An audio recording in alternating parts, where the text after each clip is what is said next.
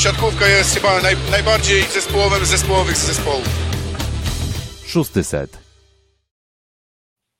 Cztery minuty później niż e, chcieliśmy, ale mm, drobne problemy techniczne i te drobne problemy techniczne udało nam się e, rozwiązać. Jak już widzicie, nie w trójkę, nie w składzie wyłącznie ja, Filip i Kuba, ale jest też z nami gość specjalny, Grzesiek Pająk. Cześć Grzesiek. Witam wszystkich. Um, jak widzicie, Filip jest. Przywitaj cześć. się, Filip, Kuba. Cześć, cześć wszystkim, Filip z Rzeszowa. Cześć, Kuba z tej strony. Dokładnie, Filip Korfanty, Kuba Lewandowski, Piotr Złoch, nasze tradycyjne trio, ale jako, że w tym sezonie dość mocno staramy się urozmaicić te, te nasze nagrania, żebyście nie, nie poczuli się znudzeni tym, że tylko my mówimy, ale oddajemy też głos naszym wybranym gościom. Mm, no i przechodząc płynnie do tematu naszego, na naszego, naszego odcinka, czy też do naszego gościa, Grzesiek, jak ze zdrowiem po COVID-zie? Czy już wszystko jest ok, czy jeszcze czujesz jakieś reperkusje większe, mniejsze, dotyczące, nie wiem, formy fizycznej czy zdrowia? Nie, tak naprawdę od momentu, kiedy wróciłem e, po przejściu COVID-u, e, jest super. Jest, e, nie mam żadnych problemów fizycznych, czy to związanych z jakimiś wydolnościowymi problemami, czy też z jakimiś innymi, które mogłyby się pojawić. Przebadałem się od góry do dołu i wszystko jest bardzo dobrze, także ja z pełną mocą odpaliłem od razu po, po, po powrocie i nie ma na co narzekać. Mhm. No chyba cała drużyna odpaliła, prawda? Po, twoim, po, po, po, tych problemach zdrowotnych odpaliliście bardzo mocno. Przede wszystkim, co widać w waszej grze, to jest, że z wami się gra bardzo ciężko, jeżeli chodzi o dobicie się do zielonego. Na ile ta mhm. praca przed sezonem, tylko wykonaliście, e, procentuje teraz, że mieliście praktycznie cały skład, tak? Naraz. Yy, tak, to, to prawda. No teraz mamy braki, bo yy, tak pół żartem, pół serio Radom nam e, przywiózł jelitówkę i tak stopniowo sobie odpada po jednym, po dwóch zawodników, więc też teraz tak trenujemy e, w niepełnym składzie. E, ale tak jak wspomniałeś, no od jakiegoś momentu, odkąd ja wróciłem, zaczęliśmy pracować w pełnym składzie. W naszym zespole jeszcze jest, jest taka naprawdę fajna grupa chłopaków, bardzo świadomych. Bardzo świadomie, bardzo fajnie pracujemy, dużo, dużo ze sobą rozmawiamy. E, I jak widać, to przynosi efekty. Rozmawialiśmy na tematy, takie aspekty techniczne siatkówki, e, bardzo dużo też mentalnie, bo, bo gdzieś ten początek sezonu mieliśmy problemy z pierwszym setem, e, że jednak doszliśmy do wniosku, że chyba za bardzo w tym pierwszym secie chcemy i jakby zbyt mocno skupiamy się na negatywnych sytuacjach, które się wydarzą, zamiast gdzieś tam głową iść cały czas do przodu, bo już nie cofniemy nie wiem, ataku, który był w aut, wystawy niedobrej, czy też zepsutej zagrywki, to już było i trzeba grać dalej. Także nad tym pracowaliśmy, to nam się udało jakby już też zmienić, bo pierwszy set w Rzeszowie zagraliśmy bardzo dobrze, teraz też z Radomiem e, bardzo dobrze, więc e, jakby tutaj, tutaj zrobiliśmy e, progres i mówię, jeżeli będą się pojawiać jakieś kolejne takie potrzeby, to, to myślę, że grupa jest tak, tak fajna, że będziemy sobie z nimi dobrze radzić. Czy hmm. mieliście jakiekolwiek poczucie nerwowości z tytułu tego no, trudnego początku? No bo niestety ten terminarz dla Beniaminka jest dość okrutny, tak? Zaczynasz od y, mistrza Polski, od mhm. którego no, łatwo zebrać na początku, na początku gonga, bo trzeba się trochę otrzaskać też z ligą. No i z uwagi na Twoją kontuzję, z uwagi na mm, kontuzję Wojtka Włodarczyka, z uwagi na to, że no chyba pewnie czuliście się odrobinę rozczarowani poziomem gry, bo pewnie wiedzieliście na co Was stać. Mieliście momenty nerwówki, w których poczuły, poczuliście, że okej, okay, um, coś tu nie gra, wymaga to jakiejś mocniejszej korekty, czy to raczej był po prostu stale nakreślony plan i wierzyliście w, no, w siebie i wierzyliście też w plan trenera Daszkiewicza? To znaczy, tak jak wspomniałem, y, mamy dość sporą świadomość y, tego, co robimy, y, jaką, jaką grupą osób jesteśmy i co możemy osiągnąć, więc tak jak powiedziałeś, jakby świadomość tego niezbyt dobrego początku była, e, ale ona jakby nie, nie robiliśmy z tego jakiegoś wielkiego zagadnienia, po prostu wiedzieliśmy, że Wojtek wypadł nam na, bodajże 4 tygodnie związany z kontuzją tam mięśnia dwugłowego, nie, nie mogliśmy się w pełni przygotować jakby w tym optymalnym teraz zestawieniu, w którym występujemy. E, później, no, ja powiem szczerze, że od mojej osoby, od, od początku sezonu ze mną było coś nie tak, że tak powiem, bo ja po, po dwóch godzinach treningu czułem się słabo, następny dzień też się czułem słabo i te mecze jakby dojeżdżałem, ale później miałem e, zjazdy i tak naprawdę nie wiedziałem, co się dzieje fizycznego.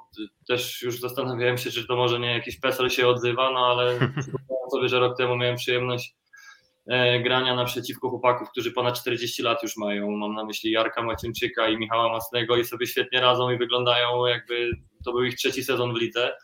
Więc jakby tą myśl odrzuciłem i powiem szczerze, że gdy lekarz skierował mnie na, na wymaz, to, to poczułem taką ulgę, że był pozytywny, bo jakby odnalazłem tą swoją przyczynę, że coś tam od początku się tliło i teraz mówię, mam to, dobra, yy, wyjdę z tego i będzie ok. No i, i to się akurat sprawdziło. Yy, no i wróciliśmy do takiej dobrej, systematycznej pracy. Fajnie też jest, przynajmniej w naszym przypadku, to, że yy, liga idzie to tydzień nie? Że, jest tych, że jest jak coś się pojawia, to jest naprawdę sporo czasu, żeby nad tym popracować, nad tym przysiąść, y, też nie zapominając o elementach, które dalej trzeba doskonalić, ale też które równie dobrze wychodzą. E, więc jakby to jest fajny taki układ tej tabeli. Co do układu terminarza, myślę, że chłopaki z Nysy by się chcieli zamienić, bo oni tam mieli te pierwsze pięć bodajże takich, że tam no, oprócz tego tiebreaka w Bełchatowie to, to, to ciężko im było, nie? No i jednak u nas troszeczkę to było przeplatane. Dostaliśmy Jastrzębie, potem Suwałki i tak to było jeden ciężki, jeden troszeczkę słabszy. Jeden ciężki, jeden słabszy i gdzieś tam mogliśmy szukać e, łatwiejszego pojedynku. E, no natomiast chłopaki z Nysy widać, że troszeczkę im się odbiło to czkawką, że tak powiem, i w dalszym ciągu się odbija to, że ten początek mieli naprawdę taki ciężki i nic tam e, poważnego nie ugrali. Mm, są, są drużyny, które no też faktycznie wystartowały źle, no to też można przywołać e, Ślepsk Malów Suwałki, gdzie myślę, że oczekiwania też były zdecydowanie wyższe. W trakcie twojej nieobecności młody Igor Giniecki e, zastępował cię. Czy, czy, czy, czy czułeś, bo zbierał dość dobre recenzje, e, czy, czy, czy miałeś jakieś obawy, że no nie wiem, no może wygryzie mnie ten młodziak i będę się musiał pogodzić z rolą drugiego gracza, a drugiego rozgrywającego, a jeszcze innym pytaniem dla mnie jest to, no to też jak ty oceniasz Igora jako no bardzo młodego rozgrywającego, jak myślisz, w którym on jest miejscu i w którym miejscu też może się znaleźć? To takie, e, takie pytanie do no, zmiennika twojego, e, obecnego oczywiście, no bo jeszcze jest trzeci. Tak, e, który już, już niebawem chyba będzie gotowy do gry, także już na treningach nam trenuje Szymon.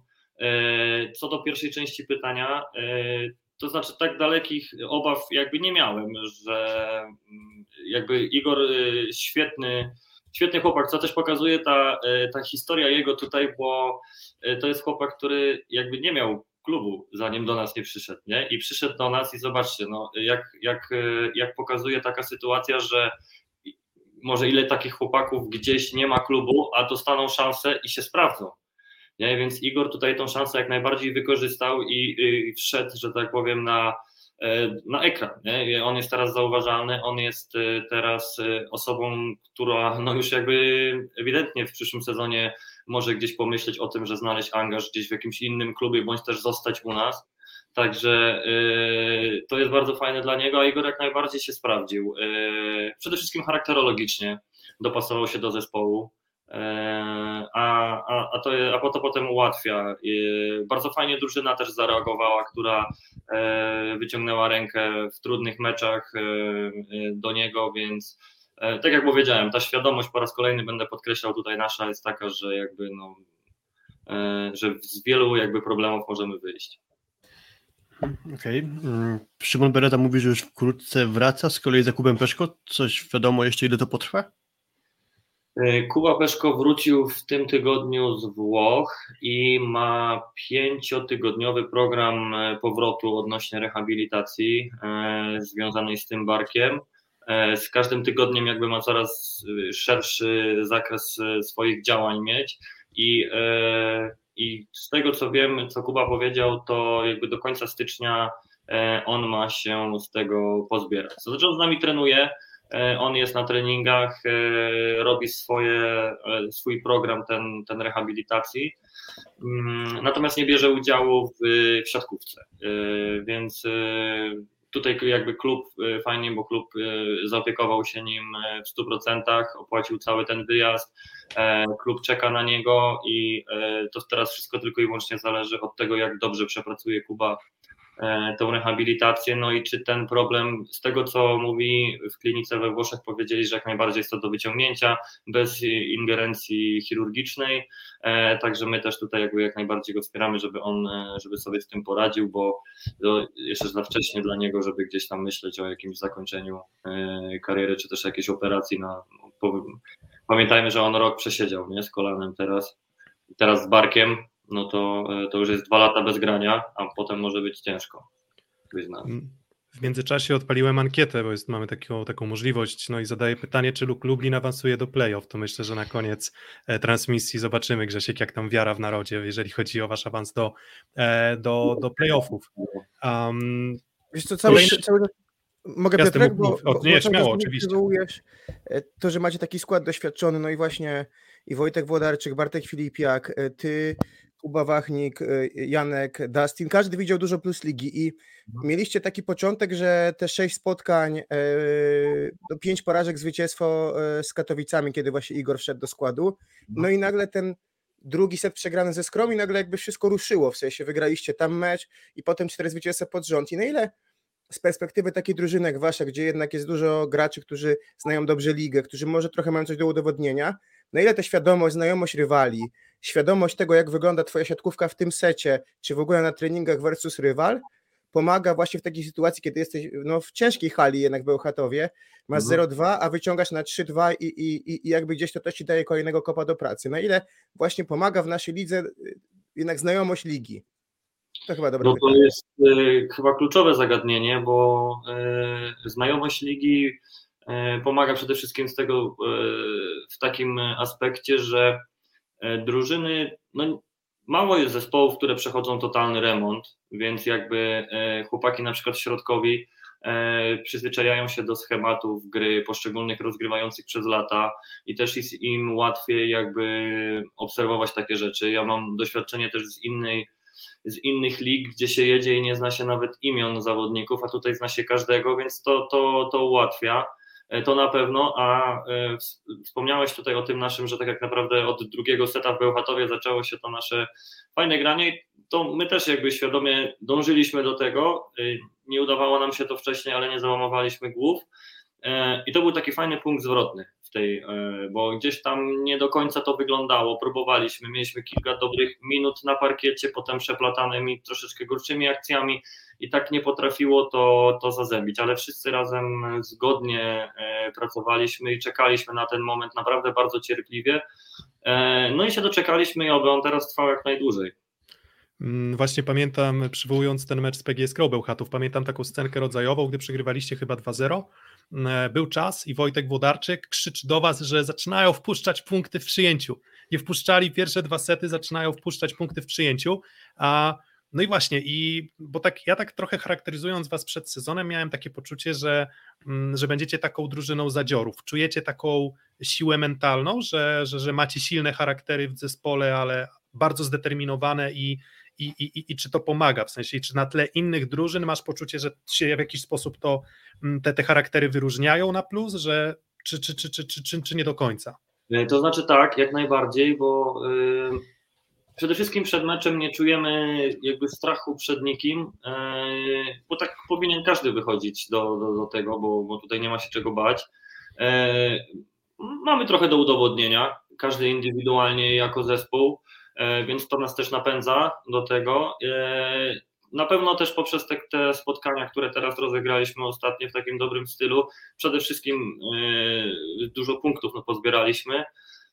Dodają nam pewności siebie, i wychodzimy już na, na kolejne spotkania. Naprawdę e, tacy zmotywowani, że na przykład po Rzeszowie powiedzieliśmy, że jakby no to są takie ekstra punkty dla nas, nie? Ten punkty w Bełchatowie, punkty w Rzeszowie, jakby przed sezonem w ogóle nie zakłada się, że tam się zdobędzie punkty. I przed meczem z Radomiem powiedzieliśmy, że jakby no jeżeli z Radomiem nie zdobędziemy punktów, bądź też oddamy powiedzmy dwa, no to tak naprawdę ten mecz w Rzeszowie nic nam nie daje, nie? Więc żeby teraz czerpać e, pożytek z tego, z tych trzech punktów w Rzeszowie, musimy zaznaczyć, że e, bo tym punktem my odskakujemy od, e, od właśnie Radomia, który gdzieś tam przed sezonem zakładaliśmy, że będzie naszym bezpośrednim rywalem. Wspominaliśmy o, o, o tym, że chcemy do playoffu i to jest jakby się dostać i to jest jakby nasz cel taki indywidualny. Klub zakłada spokojne utrzymanie, no ale tak jak wspomniałem gdzieś tam w w wywiadach na początku sezonu właśnie, że my, klub ma swoje cele, a my nie do końca musimy się z nimi zgadzać, chcielibyśmy gdzieś tam krok wyżej. Nie, nie oceniałbym jeszcze dnia e, przed zachodem słońca, bo jest dziesiąta kolejka dopiero, ale na pewno taki początek y, dużo bardziej pozwala nam myśleć o tym i, i, i ten. A, a, tak jak wspomniałem po raz kolejny z, tym, z tą świadomością drużyny, yy, chyba nie będziemy chcieli tego w jakiś sposób zmarnować, odpuścić, kiedy naprawdę pojawi się taka realna szansa e, pojawienia się w playoff. Jest na czacie takie pytanie, odpaliliście też jak odszedł z zespołu ten, co właśnie trafił do Monzy, czyli mowa oczywiście o Milanie Katiciu. Mógłbyś jakoś naświetlić tę sprawę jego odejścia? E, to znaczy Milan od początku, e, znaczy od początku, e, od jakiegoś czasu nie czuł się dobrze, on to sam powtarzał w, zespole, w klubie i poprzez te, chyba ten początek też taki nie za dobry, nie widział jakby nadziei w tym, że ta grupa będzie w stanie coś osiągnąć, w czym on by chciał brać udział. No i chyba były takie główne powody odejścia Milana z klubu. To było na jego, na jego prośbę, na jego życzenie. Klub wyszedł z założenia, że no jakby z niewolnika nie ma pracownika. To jest jego wybór. I, i, no i tutaj jakby się dwie strony się dogadały między sobą o, o warunkach, bo, bo to jest nikomu nieznane, co tam się między nimi działo, więc no co ja mogę powiedzieć więcej? Straciliśmy zawodnika, którego braku do tej pory nie udało nam się jakby wyrównać. Dołączył do nas Mateusz, ale on bardziej dołączył e, za, za, za Kubę Peszkę na ten moment i później jakby między nimi będzie rozgrywane to, kto zostanie, no chyba, że klub nie znajdzie do tej pory e, nikogo jakby za miejsce Milana, więc y, no ciężko mi coś o tym na ten temat powiedzieć więcej, bo tak naprawdę mało wiem, tylko wiem to, co Milan mówił.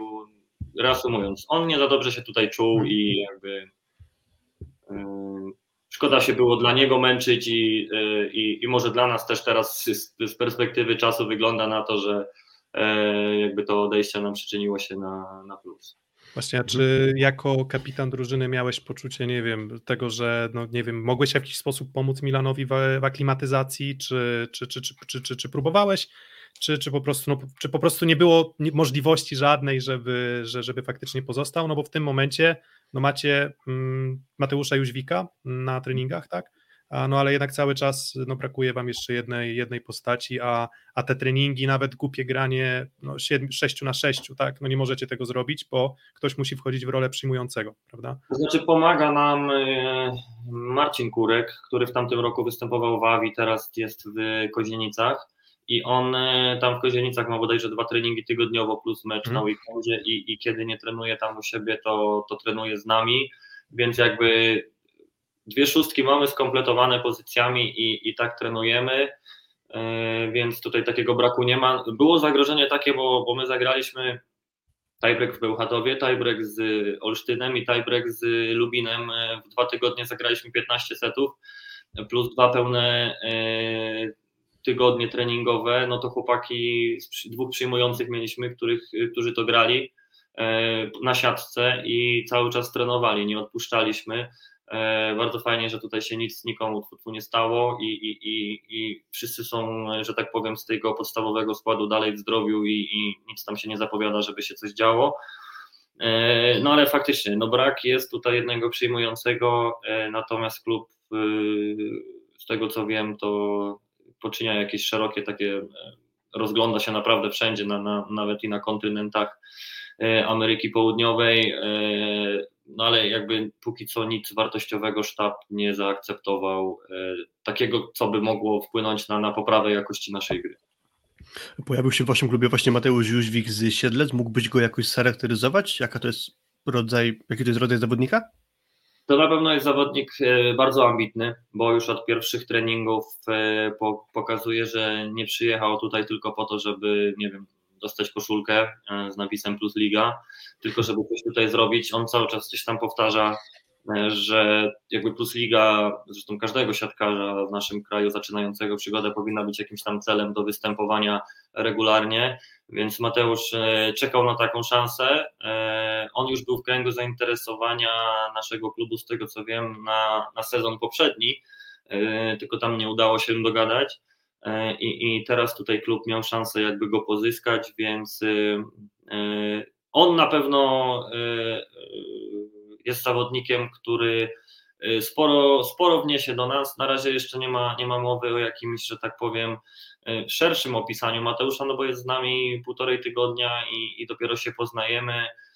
Także też Mateusz dopiero wchodzi w cykl i w rytm naszej pracy i, i wszystkiego, co tutaj się dzieje. Także na takie podsumowanie bądź też określenie to, to przyjdzie jeszcze czas, ale póki co to, yy, to, to bardzo fajnie, że, że Mateusz jest z nami i, yy, i, i z nami trenuje i na pewno nam się, yy, tak powiem, tutaj oddzięczy za, taką, za taki transfer. Przed rozpoczęciem rozgrywek byłem na turnieju w Kobylance, gdzie graliście sparingi z Lubinem i ze Stalu Nysa. Rozmawiałem, rozmawiałem wtedy z trenerem Daszkiewiczem, pytałem go o cele na sezon. Właśnie dla Was jako Beniaminka powiedział, że to będzie spokojne utrzymanie przed startem ligi, przed meczem ze Strzemiem rozmawiałem z prezesem Skubiszewskim, też się pytałem o cele na sezon, powiedział, że spokojne utrzymanie, sprawienie kilku niespodzianek. Teraz słyszę od Ciebie, że Waszym celem będzie granie o playoffy. Od początku tak mieliście, czy stwierdziliście, że no w sumie to jak już nam się te cztery mecze udało wygrać ostatnio, to trochę te cele swoje zmieniliście, czy to raczej było tak, że nieważne jaki jest początek, ale i tak startness na to, żeby grać o tę ósemkę? Yy, Zmieniłbym jedno słowo, nie udało, a gdzieś tam wygraliśmy. Okej, okay, jasne. Yy, bo to nie jest jakby przypadek. To jest troszeczkę. Nie, nie, nie, nie to miałem na myśli. Nie ma problemu. Yy, yy, I tak. No cele, tak jak wspomniałem na początku, klub i, i, i liga, jest, liga jest mocna, to trzeba przyznać. Przypominam, że E, powiedzmy jak ja miałem e, przyjemność grać w Efektorze Kielce, który był klubem takich dla młodych, gdzie można było się wybić, e, przychodziło się tam, tam nie było pieniędzy, tam się nie szło zarabiać, tylko tam się szło do możliwości grania. E, I takie kluby były wtedy w lidze, które po prostu zapraszały młodych ludzi, którzy mogli, mogli się pokazać. Przypominam, że teraz takiego klubu nie ma i każdy tutaj walczy o punkty i e, każdy gdzieś tam e, chce wygrywać jak najwięcej, więc klub chyba liczy tak jakby pierwszy sezon na spokojnie, zobaczyć, wejść, a, no ale my wiemy swoje. My po tym jak E, dowiedzieliśmy się, jaka tutaj drużyna będzie zbudowana, no to od razu mogliśmy, że tak powiem, myśleć, że, e, no, że możemy sobie ten playoff powalczyć. Także to jest cel nasz, e, jakby zawodników. Mam nadzieję, że za niedługo będzie taka sytuacja, że ten cel również stanie się celem klubu, że oni uwierzą w to i też będą jakby w to, na pewno nam nie zabronią tego, nie? No bo to nie o to chodzi, ale E, ale mam nadzieję, że oni w to będą wierzyć i jakby e, do tego wszyscy razem jako grupa tutaj ludzi będziemy dążyć. Mm, z Kubą, Wachnikiem i Wojtkiem Sobalą mm, miałeś e, tę przyjemność grać już w pierwszej lidze. Um, czy duży, może to, to jest takie pytanie ogólne, ale jak duży przeskok jest według Ciebie w tym momencie między pierwszą ligą a plus ligą? No i może w szczególności pomiędzy czołówką pierwszej ligi a dolnymi rejonami plus ligi. Mm, bo na przykład do, do czego piję? Piję do tego na przykład, że będąc już zawodnikiem zgranym z Wojtkiem Sobalą na poziomie pierwszej ligi, no skuteczność Wojtka była bardzo wysoka. Teraz plus lidze, mm, ta twoja współpraca ze środkowymi na początku sezonu aż tak dobrze nie wyglądała, a przecież Janek Nowakowski i Wojtek Sobala zawodnicy ograni. No i właśnie stąd też pytanie o tę różnicę w, w poziomie i też różnicę w charakterystyce dwóch lig, no bo widzi, widzi, widziałeś to po prostu, czarne na, E, białych. No tak, e, od razu powiem, że granie w pierwszej lidze może się wydawać łatwe, ale wcale do takich nie należy. E, to, że my awansowaliśmy, to też było naprawdę poparte straszną dużą ilością pracy, bo łatwo nie było. Naprawdę, że tak powiem, mamy przykłady, że do pierwszej ligi w tym sezonie też schodzą plus ligowcy, którzy no, ze średnim powodzeniem sobie tam radzą. E, więc mówię, tam, tam granie jest troszeczkę inne e, niż, niż w Plus Lidze. W Plus Lidze, że tak powiem, wszystko jest troszeczkę bardziej poukładane na parkiecie, że każdy tą swoją rolę ma, zna i on na niej się skupia i ją wykonuje e, dobrze. Natomiast w pierwszej lidze ta różnica jest taka, że tam troszeczkę więcej takiego chaosu jest. Tam troszeczkę jest tak więcej zostawione do jakby dla samego zawodnika, że on ma jakby gdzieś tam e, zadziałać w, według tego, co on robi. No nie jest to aż tak szeroko, e, że tak powiem, taktycznie rozbudowane jak, jak w Plus Lidze.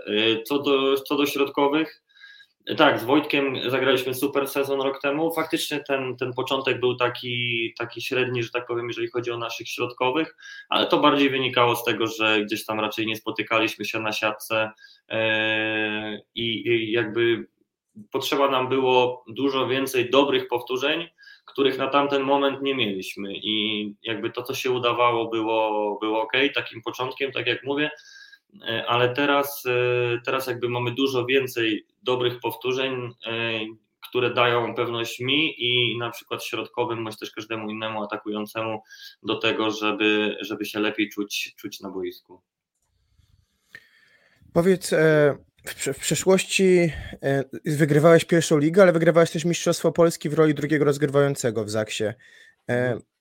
Wielu zawodników, szczególnie doświadczonych, szuka tej roli nawet rezerwowego już, żeby coś wygrać. Na ile to jest właśnie takie, na ile w karierze ceni się bardziej wygrane, może trochę niższego szczebla z własnym udziałem, w sensie na boisku, a te zwycięstwa, gdzie brało się oczywiście udział w całym sezonie, pomagało się w treningach, wchodziło się też w spotkaniach na zmiany, no ale jednak odegrało się drugoplanową rolę. Mm, I, I czemu jest tak, że właśnie zawodnicy już raczej pod koniec kariery szukają tej możliwości, E, zwycięstwa e, w czymś, w czymś dużym, powieszenia sobie tego medalu gdzieś tam w gablocie, a wcześniej szukają gry. E, to znaczy, no bo fajnie jest zakończyć przygodę z siatkówką, w ogóle z jakimkolwiek sportem, jakoś tak na świeczniku, z jakimś sukcesem odejść i, i to, to na pewno jest przyjemne i motywujące, żeby w takich dobrych latach zapamiętać, niż gdzieś tam kończyć, nie wiem, e, z ósmym miejscem, dwunastym i, i jakby odchodzić i nawet i pewnie kibice będą zdenerwowani, że nawet nikt nie, nie, nie podziękuje, e, bo, bo, bo pamięta się jakby te ostatnie mecze, ten ostatni sezon, a nikt tam gdzieś przez pryzmat całej kariery nie patrzy aż tak szeroko. Natomiast co do mojej gry w Kędzierzynie, to ja tak kolokwialnie mówię, że od tamtego momentu tak naprawdę zacząłem grać w siatkówkę, bo do tamtego momentu ja do końca nie wiedziałem, że aż to jest, y, że to jest aż taki, taki sport, bo mimo, że byłem zawodnikiem już wtedy bodajże w piątym sezonie swoim w lidze, e, to tak naprawdę nigdy nikt nie przysiadł do mnie jako do rozgrywającego e, w taki sposób, jaki przysiadł do mnie Fefe de Giorgi i jak bardzo pomagał mi Totti w tym wszystkim, bo nie ma się co winić y, Tottiemu, bo Totti absolutnie nie czuł zagrożenia moją osobą odnośnie grania. I bardzo dużo mi pomagał, bardzo dużo rozmawialiśmy, nawet y, gdzieś tam, no już teraz ostatnio nie rozmawiamy aż tyle, ale wierzę, że na, odnośnie, odnośnie gry i, i takich rzeczy, ale jeszcze zaraz po Kędzierzynie poszedłem do Zawiercia, to bardzo dużo rozmawialiśmy na Whatsappie i mi, i mi pomagał i patrzył na, na, na mój zespół i jakie były jego przemyślenia co do tego, bo kluczowe w naszej roli jest jakby poznanie zespołu i wyciąganie z niego, jakby wyciskanie z niego tych najlepszych, y, y, tych dobrych cech, jakby wyciskanie do końca. Nie? Tak jak mamy zespół oparty na mocnym atakującym, no to trzeba go wycisnąć do samego końca, żeby on jak najwięcej oddał od siebie. I jakby każdy sezon jest inny i każdy sezon mamy ten przygotowawczy, że, że trzeba się poznać E, trzeba zrozumieć każdego zawodnika, jak reaguje w trudnych momentach, jak, i to, to, to właśnie to jest takie szeroko pojęte spojrzenie na siatkówkę dał mi Fefe i dał mi Totti, e, z którego teraz czerpię i e, nie zamierzam zaprzestać, bo przynosi mi to jakby należyte efekty. A kończąc, jeżeli dobrze pamiętam pytanie jeszcze, to jak dla mnie Cenię sobie dwa medale i Puchar Polski w Kędzierzynie, ale nie tak bardzo jak e, awans do, do Plus Ligi właśnie z Lublinem, bo to był taki mój e, największy sportowy sukces, ponieważ cały sezon na niego pracowałem, opuściłem bodajże dwa mecze w lidze. E, mieliśmy różne momenty w tamtym sezonie, z którymi musieliśmy się zmierzyć i łatwe, i mniej łatwe, więc to, to, to, jest, to jest najfajniejsze, że tak powiem, bo to uczyniło mnie zawodnika, jakim jestem, jakim jestem dzisiaj i na pewno wzmocni mnie na przyszłość. Mm, to wiesz co, to tak, um, sorry Filip, się wetnę, uh, bo tak mm, jakby trochę uprzedziłeś moje pytanie, bo um, tak już oceniając całą karierę twoją, to tak, początek od dołu, czyli od pierwszej ligi, prawda, bo tam między, Międzyrzecz, BBTS, um, i, i tak dalej, potem Portug jeszcze jakiś tam moment miałeś w zagranicz, za granicą, um, no i właśnie i a czy masz takie poczucie, nie wiem, może jakiegoś takiego pewnego rozczarowania, bo wspominałeś o wpływie Toniutiego, wspominałeś o wpływie, wspominałeś o wpływie De Giorgiego, masz takie delikatne ukucie, że może byłbyś w stanie osiągnąć więcej, że może na przykład ta reprezentacja byłaby jednak ciutkę bliżej, bo, bo, bo, bo to, to nie jest tak, że akurat na pozycji rozgrywającego mieliśmy komfort, tylko przez wiele lat no trochę mm, selekcjonerzy zmagali się tak naprawdę z tym doborem rozgrywających. Miały, masz takie poczucie, że mogłeś więcej y, wycisnąć ze swojej kariery? Delikatnie mówiąc, mam takie delikatne poczucie, że mogę. Delikatne, delikatne. E, to znaczy, to jest, to jest y, genialne pytanie y, i, i mógłbym na nie tutaj odpowiedzieć w 15 minut nawet. E, ale Mamy tak, czas. Powiem, że e, jakby no mm, zacytuję może tatuaż Kuby Gniado, trenera od przygotowania e, fizycznego z zawiercia, że gra się takimi kartami, jakie da ci los. I ja nie dostałem w, w swoich kartach e, rodziców, którzy byli sportowcami i wiedzieli, jak pokierować młodego zawodnika. E, dostałem natomiast e, działaczy, którzy nie zawsze szczerze patrzyli na rozwój i musiałem się z tym zmierzyć. No i, że tak powiem, krok po kroku systematycznie dążyłem do, do tego, żeby, żeby grać przede wszystkim w plus lidze. E, później taki przełom nastąpił w Olsztynie, gdzie spotkałem właśnie Pablo Bengole, jego żonę z Elaine, e, z, ona jest Amerykanką, którzy jakby, no jak to Amerykanie, oni mentalnie są tacy, wiadomo, że wszystko da się i, i że każdy, kto jedzie na igrzyska, to jedzie po złoto, choćby tam z czasem trzysetnym powiedzmy na jakichś biegach. E, po prostu zmotywowali mnie do, do, do zrobienia zmian w swoim życiu, które nie tylko i w aspekcie sportowym, ale i takim codziennym. No i te zmiany przyniosły jakby efekt e, późniejszym jakby po Kielcach powołaniem do reprezentacji i, i pójściem do Zaksy. No i jakby wtedy pamiętam, dużo osób mówiło, że moje odejście do Zaksy, no, że nie będę grał, że wiadomo, że zatrzymam swój rozwój, coś, ale powiem szczerze, że przez pierwszy sezon e, moje treningi, na przykład mieliśmy powiedzmy półtorej godziny siłowni, to ja zostawałem jeszcze na godzinę, półtorej z Fefe na hali. E, dzięki Bogu, że jego żony wtedy nie było w Polsce, bo nie śpieszyło mu się do domu, więc mógł mnie tam, że tak powiem, przegonić po boisku. I wracałem do domu, jadłem obiad, y, nie wiem, Poszedłem spać na godzinę, bo nie byłem w stanie nic jakby robić i jechałem na następny trening, który też około 4 godzin trwał. Poza przepisem jakieś miałem e, zadania dodatkowe po tym. E, no i gdyby nie, gdyby nie ta praca, którą wtedy włożyłem i włożył we mnie trener e, De Giorgi, to, to na pewno nie miałbym tej świadomości, czym ta siatkówka jest dzisiaj i, i jaką rolę pełni rozgrywający i jakie cechy powinien spełniać, żeby być dobrym rozgrywającym ja staram się robić swoje, że tak powiem, najlepiej jak potrafię, swoją rolę i e, ona mnie bardzo cieszy, bo nie wiem, czy bym się odnalazł w jakiejś innej e, roli na boisku. Bardzo, bardzo lubię mieć dużo rzeczy pod kontrolą, dużo, na dużo rzeczy mieć wpływ, e, a jako rozgrywający, no to wiadomo, teoretycznie każda piłka przechodzi przez moje ręce, to ja podejmuję decyzję, co się z nią dzieje dalej no i, i to jest fajne i to, i to uwielbiam w tym sporcie i, yy, i mówię, od, odkąd odszedłem od Zaksy, to czerpię niesamowitą przyjemność z tego, że, że regularnie występuję na, na, na parkiecie.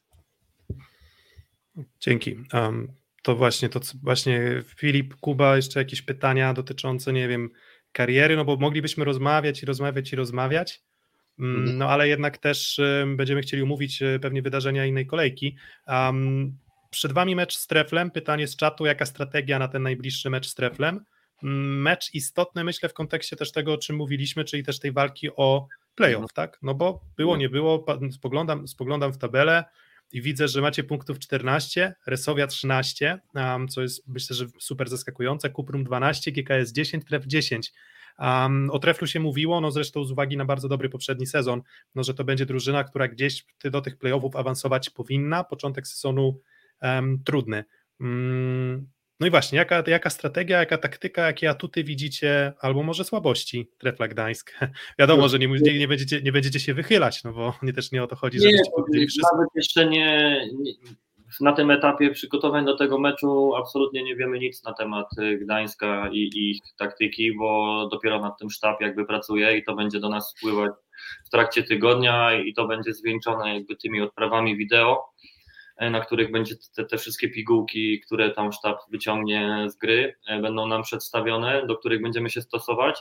E, na ten moment to bardzo cieszymy się że Tref zagrał fajny mecz w Rzeszowie i powiem szczerze, naprawdę, tak w szatni bardzo cieszymy się, że, że to będzie dobry mecz. Że tak jak po meczu z Lubinem wygraliśmy, ale no, mam tam kilku znajomych i rozmawiałem czy z Dawidem, czy, czy z Wojtkiem Ferencem, to powiedzieliśmy dzięki panowie, bo to był naprawdę fajny mecz. Fajnie było się dzisiaj z wami spotkać, męsko pograć i wynik wynikiem, oczywiście fajnie, że wygraliśmy, ale to było takie budujące, bo naprawdę dwa zespoły dały z siebie maksa, kibice odlecieli nam na hali, mówię, no i, no i to był jakby ten cały sens yy, i, i jakby ten mecz. Bardzo fajnie się odbył i teraz wiemy, że, że w Gdańsku może być podobnie. Do tego Ergo Arena, która jest no, no niesamowitym obiektem do grania. E, jedziemy tam i na pewno wyjdziemy i będziemy twardo walczyć o wygraną. E, niech wygra lepszy i e, mam nadzieję, że z uśmiechem na, na twarzy dość długą drogę powrotną będziemy mieli, że naprawdę fajne widowisko odwaliliśmy i e, no jest takim, tak jak mówię, uśmiechem będziemy wracać, bo następny mecz będzie dopiero trudny, bo to będzie mecz są, także to już taki mecz jak z Radomiem, który trzeba niby wygrać i to są te trudne mecze.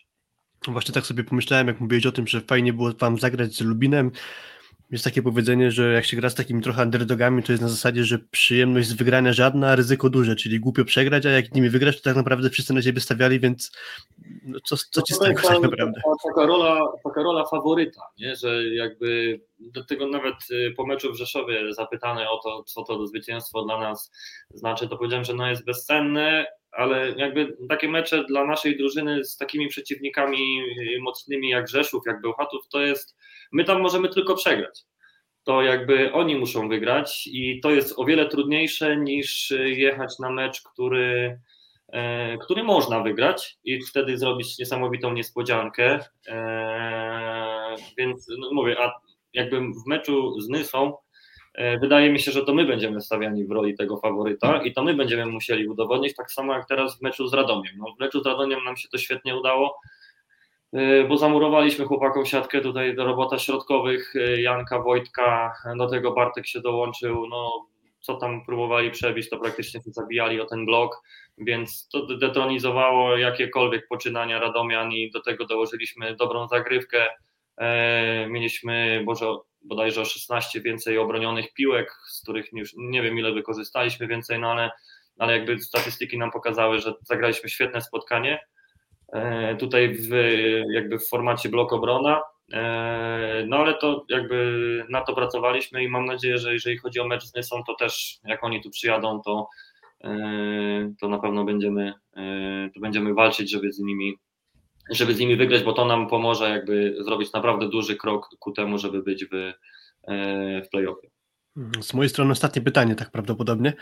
E, graliście niedawno z Resowią, czyli dwa mecze temu. Będziemy o tym, co się dzieje w Resowie rozmawiać jeszcze później, ale skoro jeszcze możemy porozmawiać z Tobą, to konkretne pytanie. Wy szykując się na mecz z Resowią, gdzie widzieliście słabości tego zespołu? Czyli co Wam na przykład mówił sztab szkoleniowy, że to powinniśmy wykorzystać akurat. Jak wyglądało Wasze przygotowanie pod kątem taktycznym, żeby jakieś atuty Przyszowian wyeliminować? To znaczy z tak silnym zespołem e, na siatce je, zazwyczaj w większości drużyny podejmują e, bardzo duże ryzyko na zagrywce, e, żeby jednak troszeczkę utrudnić rozegranie tej piłki i łatwość zdobycia punktu, więc to był nasz cel. E, na tej zagrywce spisaliśmy się nieźle, utrudniliśmy, ale jakby my powiedzieliśmy sobie, że no musimy grać twardo, jakby e, musimy grać na tyle twardo, bo nie mamy nic do, do, do stracenia, musimy się do tego boiska e, sami dobić i jakby tak drużyna idealnie pod to zagrała, bo to był genialny mecz Kuby Wachnika, genialny mecz Bartka Filipiaka, e, Włody troszeczkę z tyłu, ale robił bardzo dużą robotę właśnie tam z tyłu, swoje na siatce skończył, więc e, tak naprawdę e, wiedzieliśmy, że, że tam trzeba zagrać agresywnie.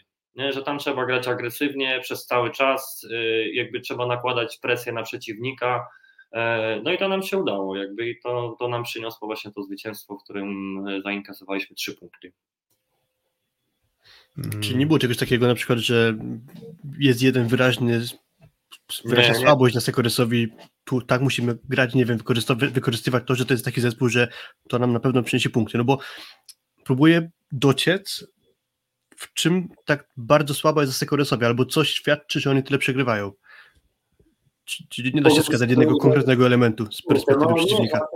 Elementu raczej nie, no bo, bo powiedzmy sobie szczerze, że zespół budowany po medale budowany jest e, całościowo, kompleksowo, e, że tak powiem, tam nie ma dziury. Tam jak wchodzi, bo wiadomo, że zawodnicy są obciążeni tym, że pod ciągłą presją muszą cały czas jakby udowadniać i wygrywać. Gdzieś tam mogą mieć słabszy dzień, to dlatego też jest bardzo dobry zmiennik, który wchodzi i jakby ten, że, żeby poziom jakości gry zespołu się nie zmienił, więc y, jakby my wiedzieliśmy, co z tego, że powiedzmy zdejmiemy z boiska Klemena, jak zaraz wejdzie Niko i może być tak, że zrobimy sobie krzywdę, bo Niko nas tam pogoni, nie? No i trochę tak to zaczęło wyglądać chyba, jak wszedł Niko, to się trochę problemy zaczęły. Był na bardzo dobrej drodze, niestety nieszczęśliwie gdzieś tam naderwał bodajże ścięgno podeszwowe.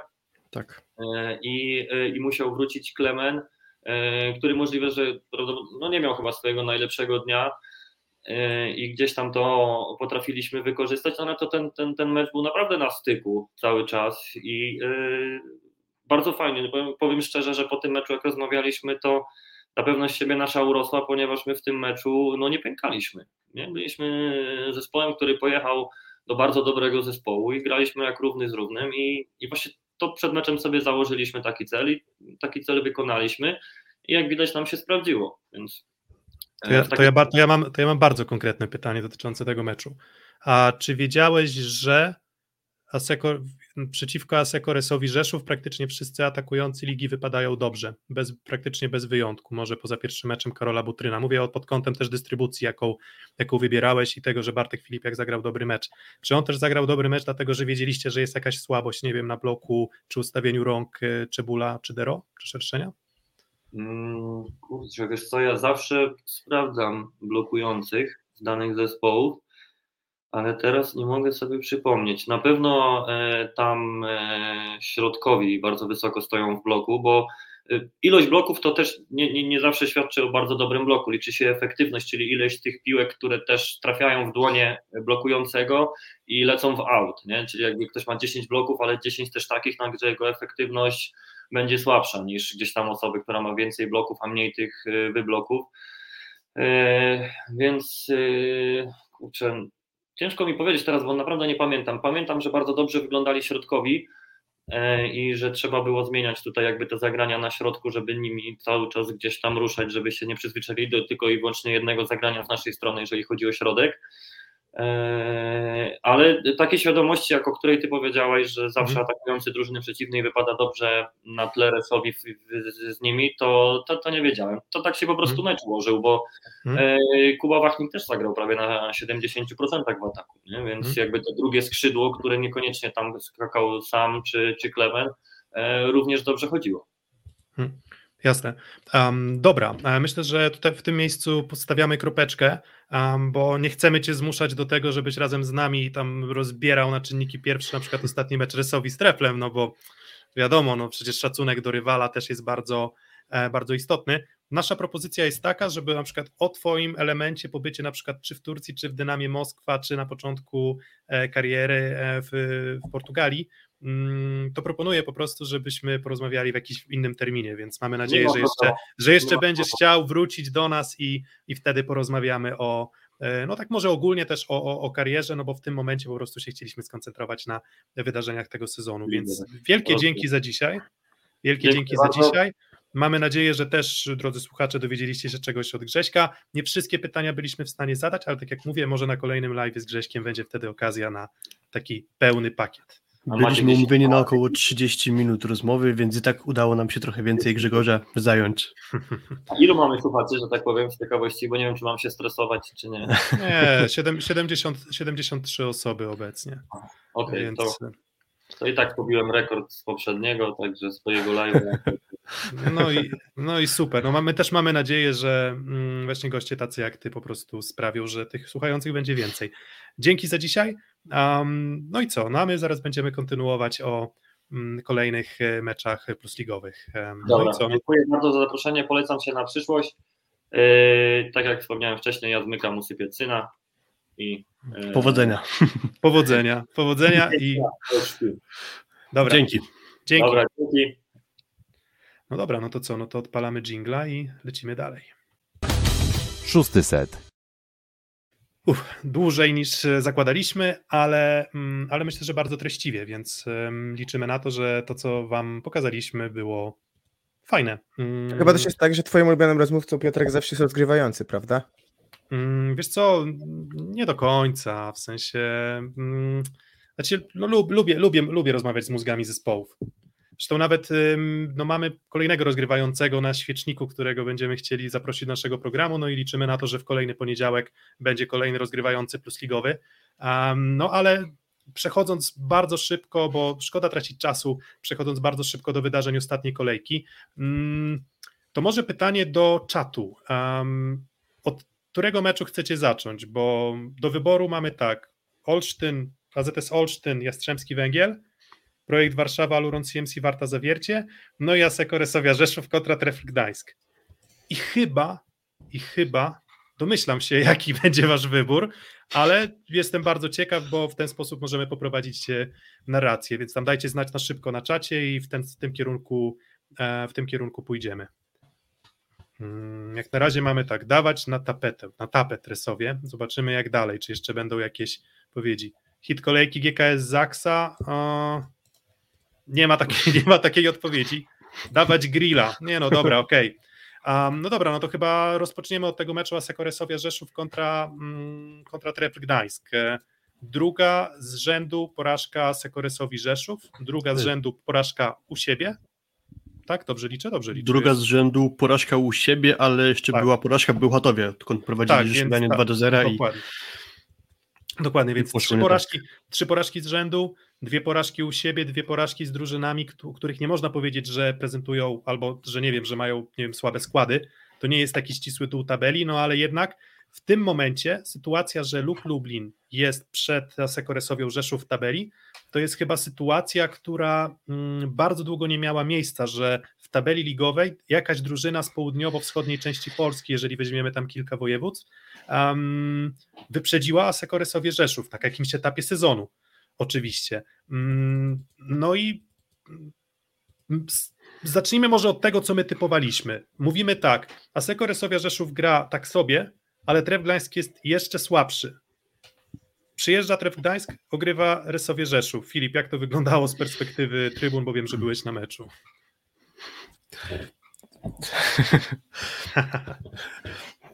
Wiecie, zastanawiam się, czy gdyby tak czysto hipotetycznie, Gdzieś kiedyś w weterze padło takie pytanie, albo takie stwierdzenie, czy Aseko, że Aseko Rosowia jest pośmiewiskiem tej ligi, to czy dałoby się znaleźć argumenty, że nie jest?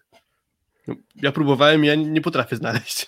Na dystansie ostatnich czterech sezonów to, to, to chyba się nie da, bo, bo, bo, no, bo tym pośmiewiskiem zazwyczaj są drużyny, które mają największą dysproporcję w relacji finanse, czy też budżet klubu, a wyniki. A wyglądają fatalnie, niezależnie od jakiegokolwiek zestawienia personalnego, jakie w ostatnich y, kilku sezonach było w Rzeszowie. Zawsze wygląda to bez wyjątku co najwyżej średnio. Dokładnie, jeszcze mi się druga taka scena rodzajowa przypomniała, jak jest film z Siarą i z Wąskim i tam Wąski mówi No, według mnie, moim zdaniem, jest kilka niedociągnięć. I tam Szara odpowiada, kilka niedociągnięć? Gdzie ty tu jakieś dociągnięcia widzisz? To jest jakaś prowokacja. No i takie mam mniej więcej myśli w głowie ostatnio, jak patrzę na to, co się wyprawia na podpromy w wykonaniu Oseko Resowi, ale no, do rzeczy to właściwie nie da się chyba wskazać jednego konkretnego elementu, który zawodzi w Rzeszowie.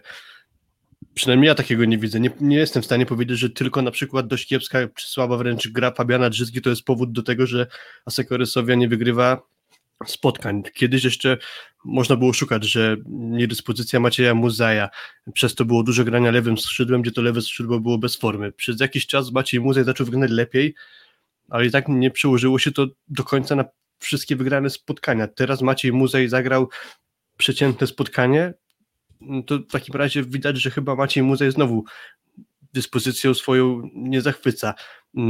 Czyli przez chwilę było trochę lepiej z Muzajem, zaczęło się gorzej. Na lewym skrzydle było cały czas kiepsko. Mm, Bianko Zamernik, patrzyłem ostatnio liczbę ataków na set 1.19. Patrzyłem jego trzy poprzednie sezony w Mediolanie, przynajmniej dwa ataki na set. Miał takie sezony, gdzie grał, nie wiem, 2-3 ataku na set miał, 2-15 czy 2-20 ataku na set, no to ponad dwa razy więcej niż Waseko Rysowi. Sprawdziłem dość, sobie ostatnio... Z dość, wysoką, z dość wysoką skutecznością też trzeba powiedzieć, tak? Czyli no to dlaczego nie? Dlaczego nie jest wykorzystywany praktycznie w ogóle? Prawda? No właśnie, jeszcze sobie, żeby dopełnić te liczby, sprawdziłem sobie ostatnie Mistrzostwa Europy, gdzie on wyglądał bardzo dobrze, to miał jakieś 2,5 ataku na set mniej więcej, czyli w ogóle najwięcej z jakichś takich turniejów ostatnich do, do zmierzenia. A tu przychodzi do Aseko Rysowi i gra jedną piłkę niespełna ponad, znaczy niespełna ponad, y, ponad niewiele ponad jedną piłkę na, na set, więc to nie jest tak, że da się wskazać jeden element, tu typowo pod to mm, chciałem zadać pytanie Grzegorzowi Pająkowi właśnie, czy jest coś takiego, że jest wyraźna jedna słabość Resowi, no i jak słyszeliśmy, nie za bardzo, nie da się wskazać jednej rzeczy, gdzie Rzeszów jest słaby, jest słaby na wielu płaszczyznach i to się przykłada na to, że przyjeżdża Tref Gdańsk, który 30 października poprzednim razem wygrał w ogóle seta i mecz jednocześnie, po czym ma chyba cztery porażki 0 do 3, bez większych problemów wywozi z podpromia wygraną. Ale wiesz, y, co mnie na przykład zastanawia, to jest to, że to jest któryś już mecz, w którym przeciwnik przyjmuje gorzej, a ma niesamowitą efektywność ataku. I to jest, wydaje mi się, najważniejszy problem. Ponad wszystko. To, że ta drużyna nie jest, nie przeszkadza przeciwnikowi w ich grze. W ogóle. To, co na przykład jest w Warszawie, zawsze widoczne, że oni maksymalnie utrudniają grę rywalowi. To tutaj jest zupełnie inaczej, że po drugiej stronie sobie śmigasz nie tylko atakujący, nie? Mhm. Mm, bo to co, to, co mówiłeś do, do Grześka, ale też śmigasz sobie bardzo często jeden z dwóch przyjmujących, tak? Bo tam był Wachnik, potem był na przykład dobry mecz, y, kto dobrze zagrał Tekt, tak, z Resowią, potem masz Mika, który dobrze gra i jakby generalnie to jest, y, to jest moim zdaniem największy problem, tak? Mhm. Mm, wiesz co, no tak, no nawet jak spoglądamy na, na, na, na statystyki, no to a, no Trefl Gdańsk miał bardzo duży problem z sideoutem. Ostatnie no. kilka kolejek Trefl się strasznie męczył. Męczył się oczywiście, bo miał też trudnych rywali, Zaksy, Jastrzębski Węgiel, ale męczył się praktycznie od początku sezonu. W tym momencie każdy z zawodników, każdy ze skrzydłowych e, prezentuje się co najmniej przyzwoicie. Mariusz Wlazły, który cały sezon gra źle, na Resowi się odbija. Mateusz Mika, który wskakuje do zespołu znikąd, nagle zaczyna grać fantastycznie. Miał dobry mecz na początku sezonu Mateusz Mika, pierwszy i druga, pierwsza druga kolejka tak, to były dobre jego mecze, po czym trochę zniknął po prostu z boiska i teraz wraca od razu z, do, no, no, krótko mówiąc MVP na podpromy. Mordyl, który przecież y, regularnie myli się w ataku ze środka, aczkolwiek trzeba tutaj oddać jakoś Lukasa Kampy, no bo on zagrał moim zdaniem dość dobry mecz y, na podpromiu i co do tego nie ma dwóch zdań, bo nie miał takiego komfortu, świetnego przyjęcia zawsze, a był w stanie tę grę poprowadzić, ale w aspekcie defensywnym, no bo tak, oczywiście, masz dwie osie zawsze w siatkówce, jeżeli ktoś tutaj liczy, że skupimy się tylko na, na grillu, jeżeli chodzi o Fabiana Drzyzgę, oczywiście, no możemy narzekać na dystrybucję, możemy narzekać na to, z jakiej jaka jest jakość piłek z lewego skrzydła, powtarzanych często, tak, trzy, cztery razy, tak uporczywie rzucane piłki na, na to lewe skrzydło i podbici, i obrona, i wyblok, i kolejny raz lewe skrzydło, i kolejny raz, ale to nie jest całość problemów Asekoresowi Rzeszów. Bardzo duże problemy są po stronie właśnie pracy bloku i pracy w obronie. i Trefl to jest kolejna drużyna, która te słabości Asekoresowi uwypukliła. I to są słabości systemowe też. To nie są słabości tylko i wyłącznie zawodników. No chyba, że znowu się powtórzę, jak już kiedyś mówiliśmy na naszym kanale, że uznajemy, że Dero nie potrafi blokować. No to dlaczego w Zaksie potrafi? To, to jest trochę tak, że Resowi aktualnie jest trochę siło, silna swoimi, silna jakkolwiek nazywać dziwnie Resowie silną, ale jest silna swoimi indywidualnościami, a nie bardzo jest to silny ekip, silna ekipa jako zespół, czyli nie widzę trochę połączenia tych pojedynczych aspektów, umiejętności poszczególnych graczy w siłę zespołu, czyli chociażby nieszczelność bloku, to co przechodzi przez blok nie jest łapane przez obronę, to nawet jak masz jednego zawodnika dobrego w bloku, to nie sprawi to, że jako formacja bloku będzie działać dobrze. I teraz w takim razie zastanawiam się, czy to już jest czas na zmianę trenera Wasekoresowi, bo ja generalnie jestem daleko od tego, żeby szukać rozwiązania w zwolnieniu trenera. Natomiast biorąc pod uwagę, ile już czasu minęło, czyli liga trwa trzeci miesiąc, mamy dziesiątą kolejkę, więc trudno już się usprawiedliwiać tym, że był sezon reprezentacyjny, tym, że jesteśmy jeszcze zmęczeni, że jakiś dołek formy jest, tylko moim zdaniem już powinno to wyglądać lepiej, albo przynajmniej iść ku lepszemu, czyli jeżeli tam grali kiepsko, nie wiem, strzelam w trzeciej, czwartej kolejce, to powinien być jakiś progres. Na razie tego progresu nie widzę, a mam wrażenie, że nawet ten zespół się trochę stacza siłą takiej zespołowości, bo nie mówię o indywidualnych tam e, występach e, danego gracza, tylko po prostu nie widzę, żeby ten zespół robił postęp. Stąd e, akurat w tym przypadku konkretnym nie miałbym nic przeciwko, gdyby zarząd doszedł do wniosku, że trenera Giulianiego trzeba kimś zastąpić. Hmm. Może jest trochę tak, że jest taka pewna, wiesz, e, prawidłowość. Zobacz, Lubin yy, grał w Bełchatowie, przegrał dwa pierwsze sety, wygrał trzy, zaczął grać, a tak naprawdę zwróćcie uwagę, że do pierwszych dwóch setów meczu z Kra Resowia, przed którym robiliśmy nasz Space, no to ta Resowia wyglądała, wygrała dwa pierwsze sety, wcześniej ma bilans tam był bodajże 4-3, tak, czyli wyglądało to nie najgorzej, by łyknęli jeszcze ten trzeci set, no i mamy sytuację, w której no, zaczęli, rozpędzają się powoli, a wygląda to coraz lepiej, tak?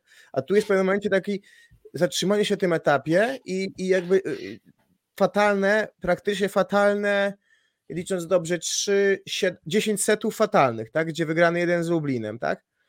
Y, I tak naprawdę wygrany głównie przez zryw szerszenia, tak?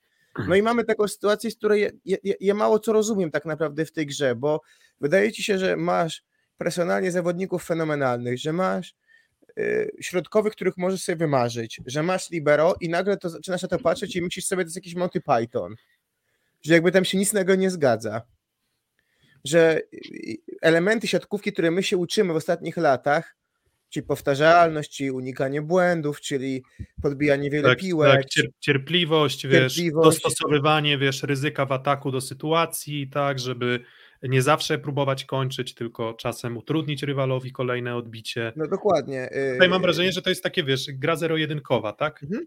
No. Idziesz, idziesz trochę, trochę archaiczna. Trochę na zasadzie, że okej, okay, no jak masz Leona i Kurka, to może sobie tak graj lewe, prawe, tak? Ale ani Dero, ani Czebul, ani Muzaj nie są Leonem i nie są Kurkiem. Więc to nie jest charakterystyka zawodników, e, z których można stworzyć system skutecznej gry drużyny, bo jeżeli już mówimy o, o skuteczności, tak? No i nagle sobie myślisz o klockach, które nie pasują. Masz Kochanowskiego, który uwielbia grać środkiem i Drzyzgę, który nie przypada. Tak, na przykład, tak? Masz no. E, dwóch zawodników na przyjęciu na lewym skrzydle, którzy mają nieść na swoich barkach ciężar kończenia piłek sytuacyjnych, a jednocześnie masz Fabiana Drzyzgę, który raczej woli grać do prawego i raczej skutecznie współpracuje, co zresztą pokazywała, mm, pokazywała też reprezentacja, to może z wyjątkiem Leona, no to raczej Kurek był tym atutem naszym Słuchaj. Mm, ofensywnym, Butryn w zeszłym sezonie, no i nagle myślisz sobie, kurczę, no na papierze wszystko, tak jak mówisz, wszystko się zgadza, w praktyce, jak sobie idziesz szczebelek po szczebelku, układanka po układance, to nie działa. I mówienie o jakiejś tam klątwie, to no to już mówię, no nie przesadzajmy, bo i to nie może być tylko wina trenera, skoro masz znowu źle dobrane klocki, bo był, byli różni trenerzy i wszyscy polegli, tak? Wszyscy polegli. No i pytanie, czy w ogóle mieli materiał, żeby walczyć. I materiał, który byłby ułożoną układanką personalną, od przyjęcia do obrony. Tak? W Ale sensie też od... przyjęcie jest niezłe. Któryś już mecz jest taki, mam wrażenie, że jest niezłe przyjęcie, ale w, ramach tego, co mówiłeś, czyli Kochanowski kochający grać środkiem i Grzyzga, który mniej lubi grać środkiem. Pamiętam jak dzisiaj wywiad e, Kochanowskiego Kuby z e, Jerzym Mielewskim, e, kiedy decydował się Kuba jakby co zrobić po Olsztynie. I on w tym wywiadzie powiedział, że on wybrał jakby Bełchatów nad, nad Zaksę wtedy, bo wiedział, że Grzesiu lubi grać środkiem. No i nagle co się dzieje takiego, że zawodnik zmienia zdanie. Ja rozumiem, że pewnie inne cele w karierze i tak dalej, wiadomo, wiadomo, ale Może nie Eee, zmienił zdania, tylko liczba na kontrakcie się zmieniła. Nie wiem. tak, ale nie chcę też tego, tego wszystkiego sprowadzać, no bo któryś sezon pod rząd dokonujesz pewnych wyborów personalnych e, i, i, i- i de facto dobierasz tych zawodników, którzy znowu się zgadzają na papierze, bo na przykład Dero z naszej ligi z Prime'u to jest top zawodnik, tak, w Zaksie. Mhm, absolutnie. Dzisiaj Dero wraca, wraca jakby y, wrak zawodnika z Rosji. Taki, no mówię, przy, przyrównałem go na Twitterze do Petera Weresza. No Też, też, te, też Dynamo Moskwa, też problemy z kontuzjami w poprzednim sezonie, też, też rozczarowanie, rozczarowanie sportowe, chyba największe rozczarowanie tej ligi, jak dla mnie. W sensie, jak ja osobiście, jak tak miałbym ocenić, to sam Dero, jeżeli chodzi o tych zawodników, którzy wrócili do ligi, bo już nie mówię o tych transferach wewnątrz ligi, ale z tych nowych zawodników albo tych, którzy wrócili do ligi z zagranicy, to, e, to Dero wygląda wygląda bardzo słabo, tak? I, i, i, mam, też, mam też takie poczucie, no bo nie chcemy spędzić całego czasu rozmawiając tylko o Resowi, ale mam takie poczucie, że mm, wiecie, jest ten taki bon mot przypisywany Einsteinowi, to nie jest akurat Einstein, że definicją szaleństwa jest e, próba powtarzania tego samego ciągle i ciągle w nadziei na inny rezultat. I mam wrażenie, że w Resowi jest ciągle ten sam system gry, ta sama dystrybucja, i bardzo podobne problemy, które udaje się czasem przykryć zagrywką, jak z projektem, jak na przykład z projektem No, no, Warszawa. No bo zobacz, ciężko jest trochę winić Gdańsk. W sensie oni powtórzyli to, co w poprzednim sezonie, wyglądało bardzo dobrze i inną sytuacją jest to, że do tego meczu to nie przynosił rezultatu, to oznacza, że coś się zmieniło w lidze, tak? Ale założenie, że to może się udać, jest łatwiejszym do przyjęcia założeniem, myślę, że dla zarządu, dla kibiców, nie zakładając, że coś, co się nie udawało, ma się nagle udać, prawda? No i teraz, no i teraz właśnie, bardzo ważne, bardzo ważne pytanie i to też będzie pytanie do, do czatu. Właśnie a propos tego, czy Grzesia Pająka już z nami nie ma, czy Luk Lublin awansuje do playoff, to 63% głosów na tak. A teraz zadamy inne pytanie. Czy Aseko Resowia Rzeszów, czy Awansuje do playoff. Nie. czy, czy, czy, czy powinna... A, ups, ups. To Em, tylko awaria, spokojnie. To tylko awaria. Czy Aseko Resowia Rzeszów powinna zwolnić e, trenera Giulianiego? Mm, to jest myślę teraz e, zasadne pytanie i to nie jest pytanie, które nie wiem, chcemy, nie wiem, drążyć dziurę w całym albo nie wiem, siać jakiś ferment, ale myślę, że to jest zasadne pytanie, czy, czy, czy, czy, czy, czy, czy jeszcze jest wiara w trenera Giulianiego? Bo ja, moje zdanie, i ciekaw jestem waszego zdania, Filip Kuba, moje zdanie jest takie, że powoli zaczyna to być no, trochę no trochę, trochę mam wrażenie, że widzę pewny, pewien poziom wypalenia i nie widzę żadnego, żadnego postępu, więc na podstawie takiej analizy tego, jak wygra, wygląda gra Resowi, to ten brak postępu jest dla mnie najtrudniejszy do zrozumienia, bo ja rozumiem, że gra może nie, nie, nie, nie być perfekcyjna z uwagi na zmiany w składzie, no ale jednak mm, powinno wyglądać to lepiej, a wygląda no właśnie, jak No wygląda. właśnie, to jest mój główny zarzut, że Resowia nie gra lepiej z meczu na mecz, a tego bym oczekiwał, no bo, no bo nie zawsze się uda po prostu wygrywać. Nawet czasem się zdarzy taki mecz z Katowicami, że Jarosz zagra fantastycznie i przegrywasz 3 do 0 tam akurat, y, ale niech gra chociaż wygląda trochę lepiej, a tak po prostu nie ma i to jest bardzo dla mnie niepokojące. I druga sprawa jest taka, że była wypowiedź Kuby Kochanowskiego y, na łamach Polsatu Sport, że jesteśmy po prostu w tragicznej formie. Więc jakby to też du- dużo mówi o tym, co my tu rozmawiamy odnośnie Asekorysowi, no bo to nie jest tylko nasze zdanie, że Asekorysowy gra poniżej swoich możliwości, e, tylko jak się przeczyta tę wypowiedź Kuby Kochanowskiego tak trochę między wierszami, to moim zdaniem tam, tam jest duża szpila w sztab szkoleniowy, a może nawet konkretnie w trenera Giulianiego, bo ja z tej wypowiedzi Kuby nie odniosłem wrażenia, że on ma przekonanie, że sztab ich z tego wyciągnie, że sztab wie, co mamy teraz zrobić, żeby grać lepiej. A, a A powiedz, przynajmniej czegoś takiego Kuba tam w tym wywiadzie nie zawarł. A powiedz twojego doświadczenia jakby kibicowskiego w, Rzeszowie, jak były te sezony zwycięskie i też były pewne średnie momenty na etapie sezonu, gdzie tam, nie wiem, czwarte miejsce w fazie zasadniczej, czy były tak, tak, tak ciężkie momenty jak teraz, bo, bo co innego jest przegrać, ale to są takie porażki, nie wiem, wiotkie, takie wiesz, czerstwe.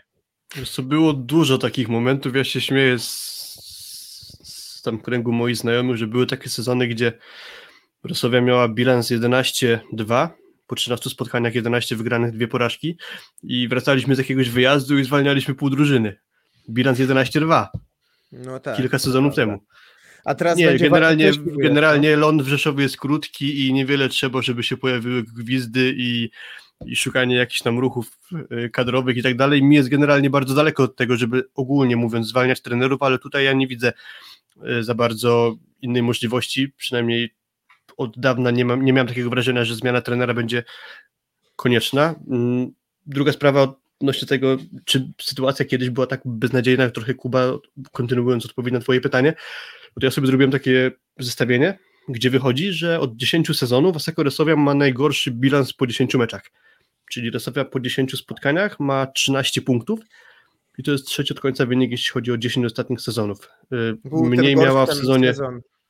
Mniej miała wcześniej 18-19, to jest jedna wygrana, 9 porażek, 19-20, dwie wygrane, 8 porażek, no i teraz po 10 kolejkach 4 wygrane, 6 porażek, a były takie sezony na przykład, że Wrocławia miała 10 wygranych chociażby, to był najlepszy sezon 14-15, więc y, jak popatrzymy, bo to były sezony chociażby z Piotrem Gruszką i porównamy sobie te składy, jaki miał do dyspozycji Piotr Gruszka, jaki ma Alberto Giuliani, no to to jest tym gorzej dla Alberto Giulian- Giulianiego, bo, bo to jest nieporównywalnie mocniejszy na papierze skład niż ten, którym dysponował Gruszka, czy nawet chociażby Andrzej Kowal, który zdaje się miał ten y, zespół w sezonie jakby z ośmioma punktami po 10 kolejkach. Nie, to jest Ko- Kowal miał z sześcioma punktami, a, a Gruszka z ośmioma punktami zdaje się.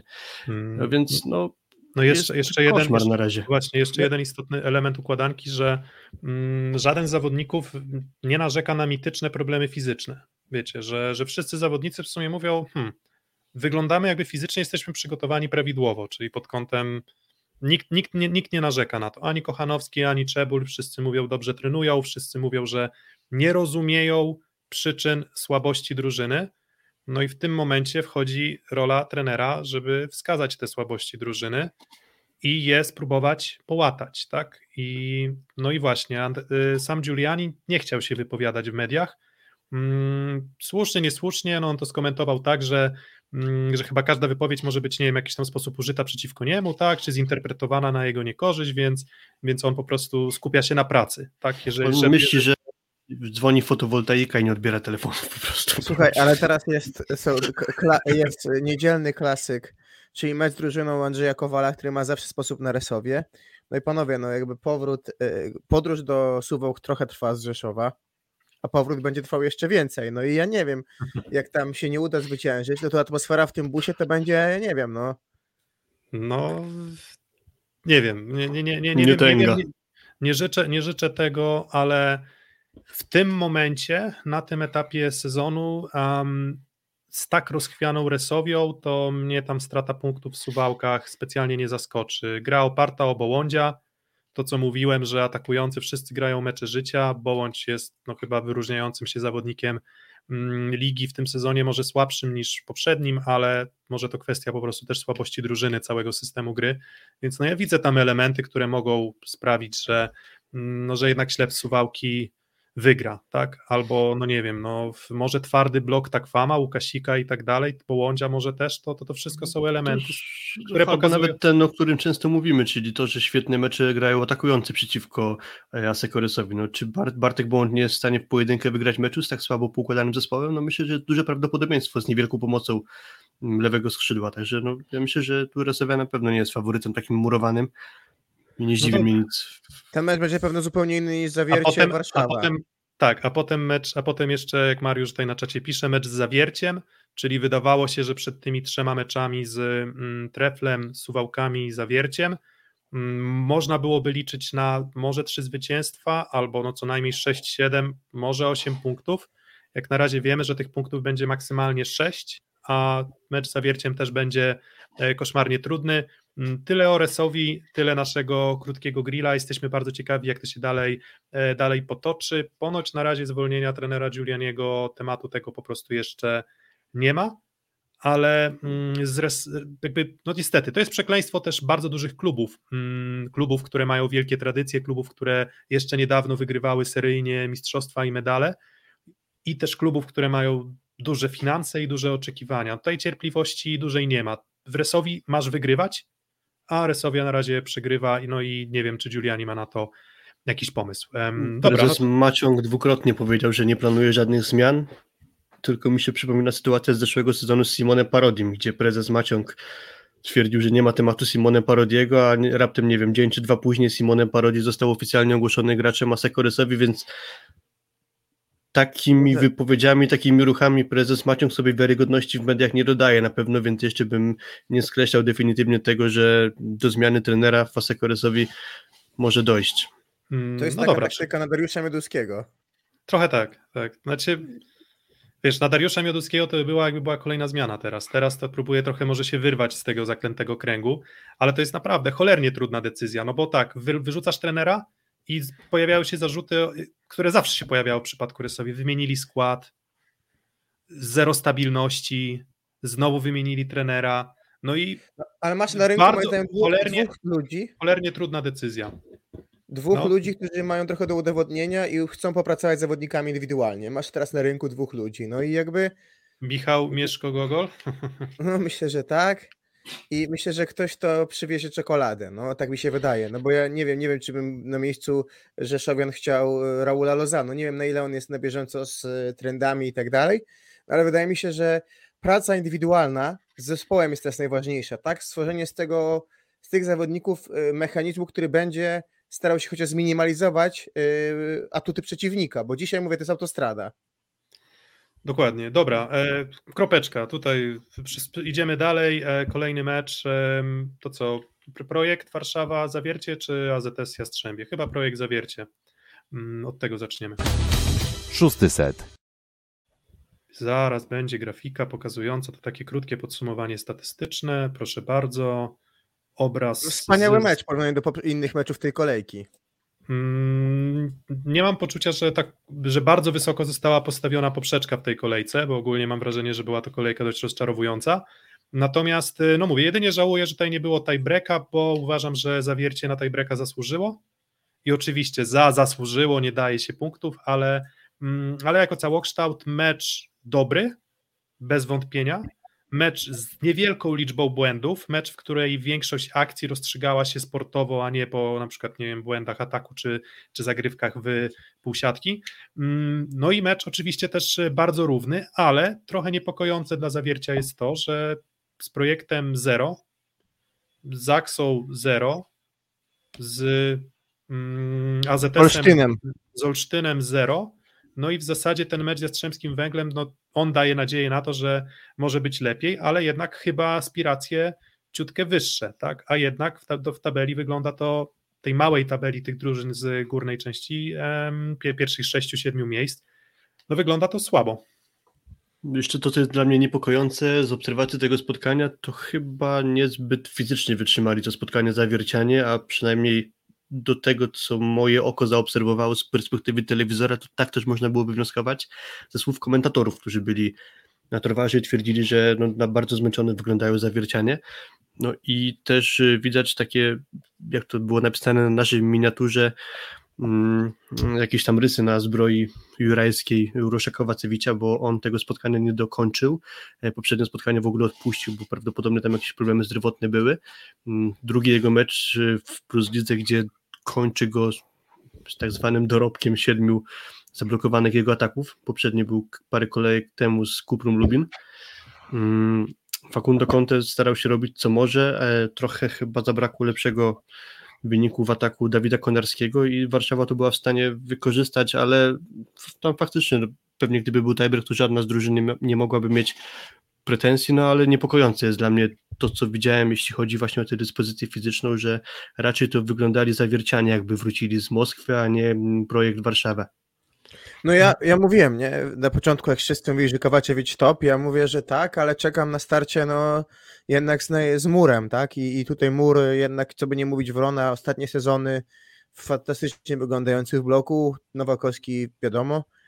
No i, i, i Urosz, który w tym meczu, no pierwszy set dobrze wyglądał, prawda? Jeszcze kiedy była ta fizyka, więc może to są kwestie, problemy jego zdrowotne, bo wszedł Orczyk, który zablokował cztery razy, no ale finalnie końcówkę, końcówki nie dowiózł. Taktycznie nie zagrał z Zaksą, żeby nie było wiesz, jeszcze kolejnego meczu do statystyk, tak? No, no ale tak, na jakieś tak. problemy zdrowotne, no ale nie, nie zagrał z uwagi na problemy zdrowotne jakieś tam, tak? Więc Teraz być może że... też po prostu nie był w pełni jeszcze dyspozycji, także... Może tak, tak być, no. natomiast wydaje mi się, że to jest taki moment w zawierciu, e, gdzie no, dramatu jeszcze nie ma, natomiast no, no generalnie wydaje się, że pewne mankamenty w tej drużynie już widać, pewną powtarzalność, czyli przede wszystkim słabość e, no, na przyjęciu w niektórych ustawieniach, widoczna bardzo mocno i to mhm. Warszawa mocno wykorzystywała. Wrażliwy, wrażliwy żurek. Dokładnie to miałem na myśli. I, I myślę, że jeszcze z takich problemów to, to jednak wskazałbym mm, trochę, nie, trochę nieelastycznych środkowych i nie wiem, czy kojarzycie, jak było Spaces Um, Filip, jak coś, to wiem, że musisz uciekać za niedługo, więc. E, więc tak, ja tylko jednej rzeczy chciałem powiedzieć. E, Jasne, to, to, to, to jeszcze I, kończ, i, i muszę się pożegnać właśnie, bo, bo dzisiaj mnie sprawy prywatne wzywają, więc nie dokończę z wami tej rozmowy. Natomiast tylko chciałem nawiązać do tej mojej tabeli, którą kiedyś policzyłem, że to był dla Michała Żurka mecz z największym obciążeniem e, w przyjęciu poza meczem z Radomiem, czyli przyjął Michał Żurek 36 piłek, to było 40% przyjęć całego zespołu. No i moim zdaniem bardzo źle to na niego wpłynęło, bo, bo grał bardzo słabo w przyjęciu. I o ile od pierwszego seta prawie do końca meczu miałem wrażenie, że bardzo, dobra, może nie bardzo dobrze, ale, ale dawał sporo w obronie, no to, to jak on przyjmował, to było dużym problemem zespołu i było też ewidentnie widać, to był taki jeden z nielicznych bardzo meczów, gdzie ewidentnie czułem, że zespół przeciwny miał taktykę serwowania wzórka i żeby to wykorzystywać. I to trochę pokazało kolejny z jakichś tam problemów y, właśnie konstrukcji zawiercia składu, że no, Konte wybitny w przyjęciu nie jest, Urosz Kowacewicz wybitny w przyjęciu jeszcze nie jest, a do tego mamy Libero, który nie jest chociażby Pawłem Zatorskim y, w tym aspekcie, także dobrze pokazał chyba mm, ten mecz y, pewną słabość w formacji przyjęcia zawiercia. Mm, wiesz co, tak I, i w sumie to też jest zaskakujące, no bo projekt jest chyba, tak jak mówisz, jedyną drużyną, która stwierdziła, że lepiej jest nie serwować w y, Żurka, a w Urosza Kowacewicza, tak, że, że większość, większość zespołów próbowało chyba podejść do tego tak, że próbujemy go trochę zmęczyć próbujemy sprawić, żeby, no nie wiem, no może po przyjęciu własnym, nie wiem, no to też pytanie, trzeba było zajrzeć do statystyk, czy może Urosz radzi sobie po prostu odrobinę gorzej, a może po prostu właśnie ta kwestia fizyczna tutaj mm, miała miejsce. Mm, a projekt Warszawa, tak po drugiej stronie, mm, jako, jako ta druga strona medalu, no to to jest drużyna, o której muszę przyznać, że mam trochę problem z oceną jakiejś ich jednej wybitnej charakterystyki, Natomiast jednocześnie mam takie poczucie, że tak długo jak Grobelny gra swoje, to jest to drużyna bez specjalnych dziur. Bo nie jest to drużyna, która jest bardzo wrażliwa w przyjęciu, jest to drużyna z dobrze ułożonym blokiem, jest to drużyna fantastycznie też broniąca. Więc w tym momencie wydaje mi się, że Jastrzębski Węgiel Zaksa i Projekt Warszawa to są takie trzy drużyny, które są w górze tabeli. Niekoniecznie dlatego, że na przykład projekt prezentuje jakiś, nie wiem, fantastyczną, nie wiem, skuteczność własną w ataku to nie jest tak, że Petkowicz się jakoś fantastycznie wyróżnia, to nie jest tak, że Kwolek wygląda dobrze na boisku, ale jakoś, jeżeli chodzi o system, to po prostu potrafią być odrobinę skuteczniejsi od rywala. I narzekaliśmy na projekt, narzekaliśmy, mówimy, że um, mówiliśmy, że to jest drużyna, która ma ewidentne słabości, a oni się z tego wszystkiego śmieją i w sumie punkcik z Moskwy wywieziony, 24 punkty w ligowej tabeli i no i w sumie pomimo porażki ze Scroll i Resowią bardzo gładkiej, to, to, to, to, to, to trzeba no, docenić po raz kolejny Andrea Anastazjego, no bo posklejał to bardzo dobrze znowu. Tak jest. I ja na tym dzisiejszy udział w transmisji kończę, także dzięki za dzisiaj i do usłyszenia, do zobaczenia kolejnym razem. Cześć. Jeszcze trzy osoby do nagrania, znaczy dwie osoby zostały do nagrania, więc um, myślę, że będzie trochę mniej mówienia teraz. No ale właśnie. Kuba, nie, no... może wiesz co, tak mamy, zaczęliśmy w czwórkę, trzech, teraz dwóch. kto najdłużej potem, wytrzyma. To potem, potem mon monologiem musisz kończyć, tak? I trzeba, wiesz, nożyce zagrać, kto monologiem poleci o Olsztyn Jastrzębie. No ja mógłbym pewnie, Nie, no spokojnie. Tak, wiesz, ja, mogę, ja mogę jakąś poezją pojechać. Ja tak poważnie to poezją przesadzam. E, bardzo dobrze ogląda się Warszawę w neutralizowaniu e, zalet przeciwnika. I to jest moim zdaniem, jak patrzę na taki mecz sobie, patrzę na taką Warszawę, e, bo, bo no widzisz grę, która wizualnie odpowiada nowoczesnej siatkówce, odpowiada generalnie temu, co chcesz widzieć w drużynie, która stara się maksymalizować swój potencjał. I przełączasz się wtedy na, na, na mecz Rzeszowa i patrzysz na zupełnie inny zespół, który robi mhm. ci, ok, ofensywnie radzi sobie pewnie nawet i lepiej momentami niż, e, niż, e, niż Warszawa. Dlatego ten mecz z Warszawą wygrali ale nie, ma, nie minimalizuje w ogóle rywali. I na przykład właśnie tym, na przykład moim zdaniem projekt ten mecz wygrał, tak, bo po prostu był bardziej konsekwentny, bo, bo yy, bardzo wiele, bardzo trudnych piłek wybronił, już abstrahując od samych bloków i wybloków, które w obu drużynach były na niezłym poziomie, no to, no to tak naprawdę mówimy tutaj o, o tych detalach, które wyróżniają Warszawę od, od rywali, to jest właśnie to, że mm, jeżeli mamy Uroszę, no to on jest na przykład w tym meczu po prostu w dużej mierze wyłączony. Wiesz co, i znaczy tak, jeszcze dodałbym swoje trzy grosze tutaj, że w każdym meczu projektu Warszawa mam poczucie, że oni mają jakąś koncepcję na to, jak wyeliminować rywala. W sensie, że, no tak. że, że, to, co mówisz, że, że wiesz, ta, ta cierpliwość i tak dalej też wynika z tego i tutaj myślę, że zasługi dla sztabu szkoleniowego tutaj wysokie, ale też i no musisz mieć też ludzi, którzy będą w stanie wy, twoją taktykę wykonać, tak? No to, to no to mam takie poczucie, że projekt Warszawa po prostu ma pomysł na każdy mecz i, i, i, i generalnie mam takie wrażenie chyba od początku, znaczy w zasadzie od kilku sezonów w projekcie, że tak jest, że mm, patrzysz na wyniki, patrzysz na mecze, one często się kończą tam wygranymi dwoma punktami w setach, y, to nie jest jakaś przepaść, to jest tak, że zdarzają im się wpadki, zdarzają im się trudne momenty, ale jeżeli chodzi o taką brutalną ligową rąbankę, to, to po prostu wyróżniają się bardzo mocno mm, tą no, powtarzalnością i taką kompletnością tego zespołu.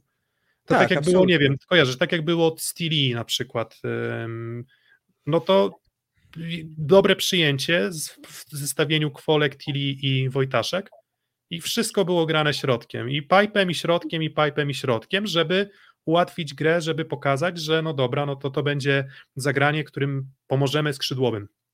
Plus, yy, tak. Wiesz, yy, poprzedni sezon też tak trochę, wiesz, yy, spodobało mi się określenie tam na Twitterze mm, swego czasu, że może ten proces dochodzenia do odpowiedzi siatkarskich Andrei Anastaziego potrafi być bolesny, ale on zazwyczaj te odpowiedzi znajduje. I wydaje mi się, że w projekcie Warszawa w tym sezonie znowu je odnalazł, a no trudno nazwać tę drużynę takim stuprocentowym samograjem, że tam wszystko, e, wszystko idealnie pasuje. No i myślę też, że jednak kurczę ta siła mentalna projektu Warszawa, siła doświadczenia właśnie Nowakowskiego, Wrony, Wojtaszka, ona też na pewno bardzo, bardzo stabilizuje zespół. Tam nie ma nerwowych ruchów, tam nie ma, tam, tam, tam tak. wiesz, rzadko kiedy się zdarza, że oni tam kilka breakpointów puszczą w serii. To prawda. Potrafią się, Ale... potrafią się otrzepać jeżeli wstaną dwóch, trzech zawodników stanie lewą nogą, no to już wtedy mamy łatwe 0-3. Bo to jest też taka dla mnie drużyna, która może zagrać ci w jednym momencie niesamowite 3-1 albo właśnie grać tak jak w Moskwie, po czym może, nie wiem, przyjechać zespół słabszy od nich i ich łyknąć 3 0. Mm, jaki twój typ na mecze zawiercie skra? Hmm. Eee, no, wydaje mi się, że to, to jest dzisiaj starcie zespołów, które są moim zdaniem na bardzo podobnym poziomie, bo też trzeba oddać skrze, że się dźwignęła. Mhm że znowu od tego tej break, znowu od meczu z Rosowią oni poszli na naprawdę na, na, taką falę, gdzie masz poczucie, że ta gra się trochę bardziej zgadza, że Atanasiewicz jest w większym gazie. U niego moim zdaniem to jest proste. Ma dobrą fizykę, no to wygląda dobrze na mhm. boisku, tak? I tak wygląda chociażby z suwałkami, że jednak gdzieś tak ta armata jakby tam prze, przełożył, wiesz, karabinek i, i, i walił, ale walił no skutecznie. I myślę, I mm. myślę, że nie jest też, wiesz co, nie jest też na pewno przypadkiem to, że w tym pucharze CEF y, nie gra Atanasiewicz i tam kilka postaci nie gra, więc no moment odpoczynku na pewno ma być. Może do, tak, na takie granie pucharowe nie byłby gotowy, takie z Ligi myślę, Mistrzów. Tak ale jeżeli chodzi o takie granie raz w tygodniu, no to Atanasiewicz bardzo się dźwignął. To trzeba powiedzieć, że zawodnika, który popełniał ogromną liczbę błędów własnych, tak. takich niewymuszonych, już stał się takim powiedzmy bardziej sterylnym, czystszym atakującym, tak? Wiesz, że poza gościu, trochę więcej taki... precyzji. to nie jest ktoś, kto możesz grać rezerwowym. To musi być ktoś, kim grasz i kim grasz dużo. To trochę co Grzesiek mówił, tak? Że to jest taki atakujący, którego musi mocno wykorzystywać. No i niejako w tym sezonie, zobacz, łamacz, na przykład dystrybucja łamacza moim zdaniem jest bardzo dobra. Łamacz zaczął dobrze sezon, yy, środek mu kończy, kłos się dźwignął, e, też bo zaczął średnio początek sezonu. Eba Dipur jest schowany maksymalnie, więc te jego liczby, nawet jeżeli są niskie, no to wiesz, Mhm. to jest, mówimy o 15 atakach w meczu, czyli nawet jeżeli, no to mówimy o małym procencie piłek. Jest Tak, Koi, taki który, a, and, Andringa trochę się zrobił, prawda? no Taki trochę tak. Klej, klej drużyny. Więc, Mm. więc y, ciekawy mecz. No nie wiem, czy nie powiedziałem w tej chwili, że Skra jest minimalnym faworytem. Tak, ja, ja też. W sensie spodziewam się znowu bardzo wyrównanego meczu i myślę, że jeżeli znowu to się potoczy w kierunku takiego 0-3 albo 1-3 po dobrym meczu, no to zawiercie już będzie mogło poczuć no, się naprawdę sfrustrowane. Tak. Bo, bo to będzie kolejny mecz, w którym wydaje się, że no, masz przeciwnika co najmniej na widelcu, żeby mieć tiebreaka. No przecież w czwartym secie z Warszawą zawiercie miało przewagę 4 czy 5 punktów. I Mhm. stopniowo w w jednym ustawieniu, chyba z kwolkiem, tam trzy punkty odrobione, trzy ciosy poszły, żurek ustrzelony raz bezpośrednio, dwa razy przyjęcia mm, negatywne, Warszawa wykorzystała to na kontrze albo blokiem, Mm, więc mówię, Zawiercie, no wiedzieliśmy, że Zawiercie ma jakieś tam swoje słabości, tak, E, natomiast Skra też oczywiście też je ma, Mm, mówię, mój typ jest y, na no, tiebreak dla Skry, Mm, może 1-3. Znaczy nie spodziewam się, że było to 0-3 dla żadnejkolwiek z drużyn. Tylko no oni chyba grają, gdzie grają? Grają w Zawierciu, Zawierciu, tak? Co wydaje, tak, więc co wydaje no mi się to- być jakimś na pewno plusem. Tak, no ale, ale tak. tak, oczywiście. Um, dobra, mm, no to tyle o meczu Projekt Warszawa Luron CMC Warta Zawiercie i kolejny mecz, czyli ten drugi mecz, który był awizowany jako hit, ale tym hitem chyba do końca nie był, chociaż chociaż AZS chyba nie zagrał takiego złego meczu. Dobrze, że był jeszcze ten szósty set. No i przeskakujemy, grafika, proszę bardzo, AZS kontra Jastrzębski Węgiel. Mm, dziwny mecz, e, w sensie taki mecz, od, od którego analizę rozpocząłbym od pytania do Ciebie, Kuba, czy według Ciebie Jastrzębski Węgiel zagrał mecz dobry? Bo moim zdaniem, mimo wszystko, pomimo tego, że tam może to lewe skrzydło nie zawsze do, do, dojeżdżało, to, to, to po prostu zawiercie na poziomie blok obrona zagrało mecz kapitalny i zupełnie zneutralizowało atuty Olsztyna. Tak, to przygotowanie taktyczne do meczu fantastyczne. Ehm, utrudnienie, chociaż wydaje mi się, że to jest minus Olsztyna, że Olsztyn jest dzisiaj drużyną, która masz dwa, dwie armaty i jeżeli skupisz się mocno na nich, no to trochę nie ma kim zastąpić tego, bo co z tego, że Porema zagrał świetny mecz? Co z tego? Środek ci meczu nie wygra. No I wiesz, no dochodzi do- właśnie przejdę, przejdę jeszcze do tego, jak oceniam Firleja, bo oceniam go dobrze za ten mecz, bo, bo próbował coś zmienić Tak. i, i, i to, co mówisz, ale no właśnie, czy, czy, czy, czy można mówić, bo przed AZS-em mecz jeszcze z Zaksą, przed AZS-em mecz z projektem Warszawa, czy można już mówić o jakiejś formie weryfikacji po, po, po jednym meczu, w którym ani Butryn, ani Defalco nie zagrali dobrego meczu, a dobrze, dobrze było wiadomo, że co najmniej jeden z nich musi zagrać na solidnym poziomie. No to czy to już jest ta weryfikacja? Nie, chyba za szybko, wiesz, to pierwsze takie spotkanie, no ale masz 26, y, y, 32, ich y, skuteczność i po 11, 12 efektywność. Nie ma czym, no nie, nie da się takim, takimi liczbami wygrać. A No nie, no, wydaje mi się, no. że Szczególnie gdy masz, wiesz, po drugiej stronie masz zawodnika takiego jak Hadrawa, który chyba wyjątkowo chciał się poznęcać nad, nad AZS-em. No chciał, nie chciał, no ale się poznęcał. No, co to, no to chciał, nie fakt. chciał, no tak, dokładnie. Może tak na niego dobrze działa, wiesz, warmieńskie, warmieńskie, warmieńskie powietrze. Tak, właśnie. Chociaż i, Ła- i Ława to może nie wiem, czy nie ma, no nie wiem, czy, czy jeszcze Warmia, czy Mazury, nieważne, no ale warmińsko-mazurskie na pewno. Tak, yy, co, co, co do tego meczu, no tak, no Firley co, 12 razy grał porębą, też, też wiesz, inna sprawa, że, że chyba nie było, dobrze pamiętam, Evrila, tak, on był libero, prawda? Tak, tam problemy, był- problemy z kontuzją kolana i tam miało się to słuchaj, no- chyba gdzieś teraz okazać w tym tygodniu, czy, czy, czy, czy, czy, czy to poważne, niepoważne, no ale jeszcze nie wiem. 20, 21 razy zagrali środkowi z 83 piłek, czyli masz więcej niż 1 czwartą, tak? Czyli to, co zawsze podkreślę, że to już jest dużo. To już jest To jest dużo. dużo. Tak, to jest, to jest bardzo dużo i to w zasadzie, mówię, nie, nie, nie mam żadnych zastrzeżeń do Firleja, w takim sensie, że no nie kończy ci Butryn, który mam wrażenie, że idealnie został, idealnie się taktycznie przygotowali i to, tak jak miałem takie wrażenie w pierwszym meczu z Rzeszowem, takie miałem wrażenie teraz, tak, że, że bardzo dobrze się taktycznie, a może po prostu Głader i Wiśniewski są środkowymi, którzy potrafią taką taktykę realizować, bo w większości był po prostu wyblokowywany. Kolejna Mhm. sprawa, to mówię, a propos tego atutu obrony, no to niestety z Jastrzębskim Węglem jest tak, że to jest drużyna, która mm, i możesz iść pełną parą, no bo przecież co, no to nie, nie zarzucimy Butrynowi, że on nie ma siły uderzenia. Nie, no jasne. Jeżeli idzie, jeżeli idzie na zagrywkę i potrafi zagrać 120 na godzinę, no to trudno powiedzieć, że to jest zawodnik, który nie potrafi uderzyć mocnym ciosem. Mm, Tyle tylko, że akurat w przypadku Butryna w tym meczu miałem wrażenie, że no wybierał raczej mm, leniwe kierunki. Wydaje mi się, że taktyka była taka, że raczej otwierali mu ten jego ulubiony taki daleki skos, a tam stali obrońcy i podbijali to nad siebie. I większość obrońców wypluwałoby to poza bandy, piłka odbijałaby się jak od e, sęka, a w przypadku Jastrzębskiego Węgla ta amortyzacja piłek była kapitalna całego zespołu. Ale to No jest i- chyba, wiesz, klasyk taki ich, tak? Bo i Forna ma świetnie ułożone ręce do, do obrony i Klewno też. Tak, to, Niut, to dobrze broni, Hadrawa zresztą kilka kapitalnych obron też, więc, e, więc po prostu uważam, że, że AZS przegrał w tym meczu z Jastrzębskim Węglem bardzo dobrze przygotowanym, bardzo skoncentrowanym, może poza fragmentem trzeciego seta.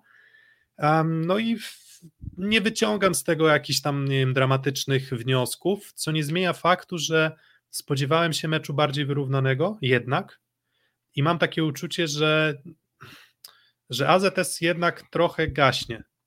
Może to jest kwestia mm, już tego, że już zaczyna być rozgrywający i, atak- i sami mm, zawodnicy, którzy atakują, może ich kierunki już zaczynają być odczytywane, bo zawsze się mówi, że ta druga runda jest już trudniejsza, no bo wszyscy już wiedzą mniej więcej, każdy Mhm. zagrał z każdym i mniej więcej wiadomo, jaki jest tam ulubiony schemat zachowania zawodników i tak dalej, ale, ale mówię, no w tym meczu po prostu było tak, że mm, Tefalco dostawał piłkę, szedł pełną mocą, wybierał kierunek po prostu, nie wiem, po skosie, tam stał Popiwczak, odbijał nad siebie z uśmiechem i wydawałoby się, że mocne uderzenie, więc nie miałem poczucia, że to były takie, nie wiem, herlawe, wątłe ataki. Um, i, I po prostu Jastrzębski Węgiel no, był w stanie mm, wyłączyć tych dwóch graczy i jestem pewien, że Zaksa też będzie w stanie tych dwóch graczy mniej lub bardziej ograniczyć, tak? Nie sądzę, Pewnie że tak. może... Sorry, mów, mów. Nie, bo, bo tutaj jeszcze taki dodam taki y, ciekawy wątek, który powiedziałeś. Zobacz, ile zazwyczaj asów y, zdobywał y, Olsztyn. Dużo, dużo. Bezpośrednio z zagrywki punktów, czy Defalco, czy Butyna w tym meczu nic, bo Jastrzębie nie wpuszcza łatwych asów.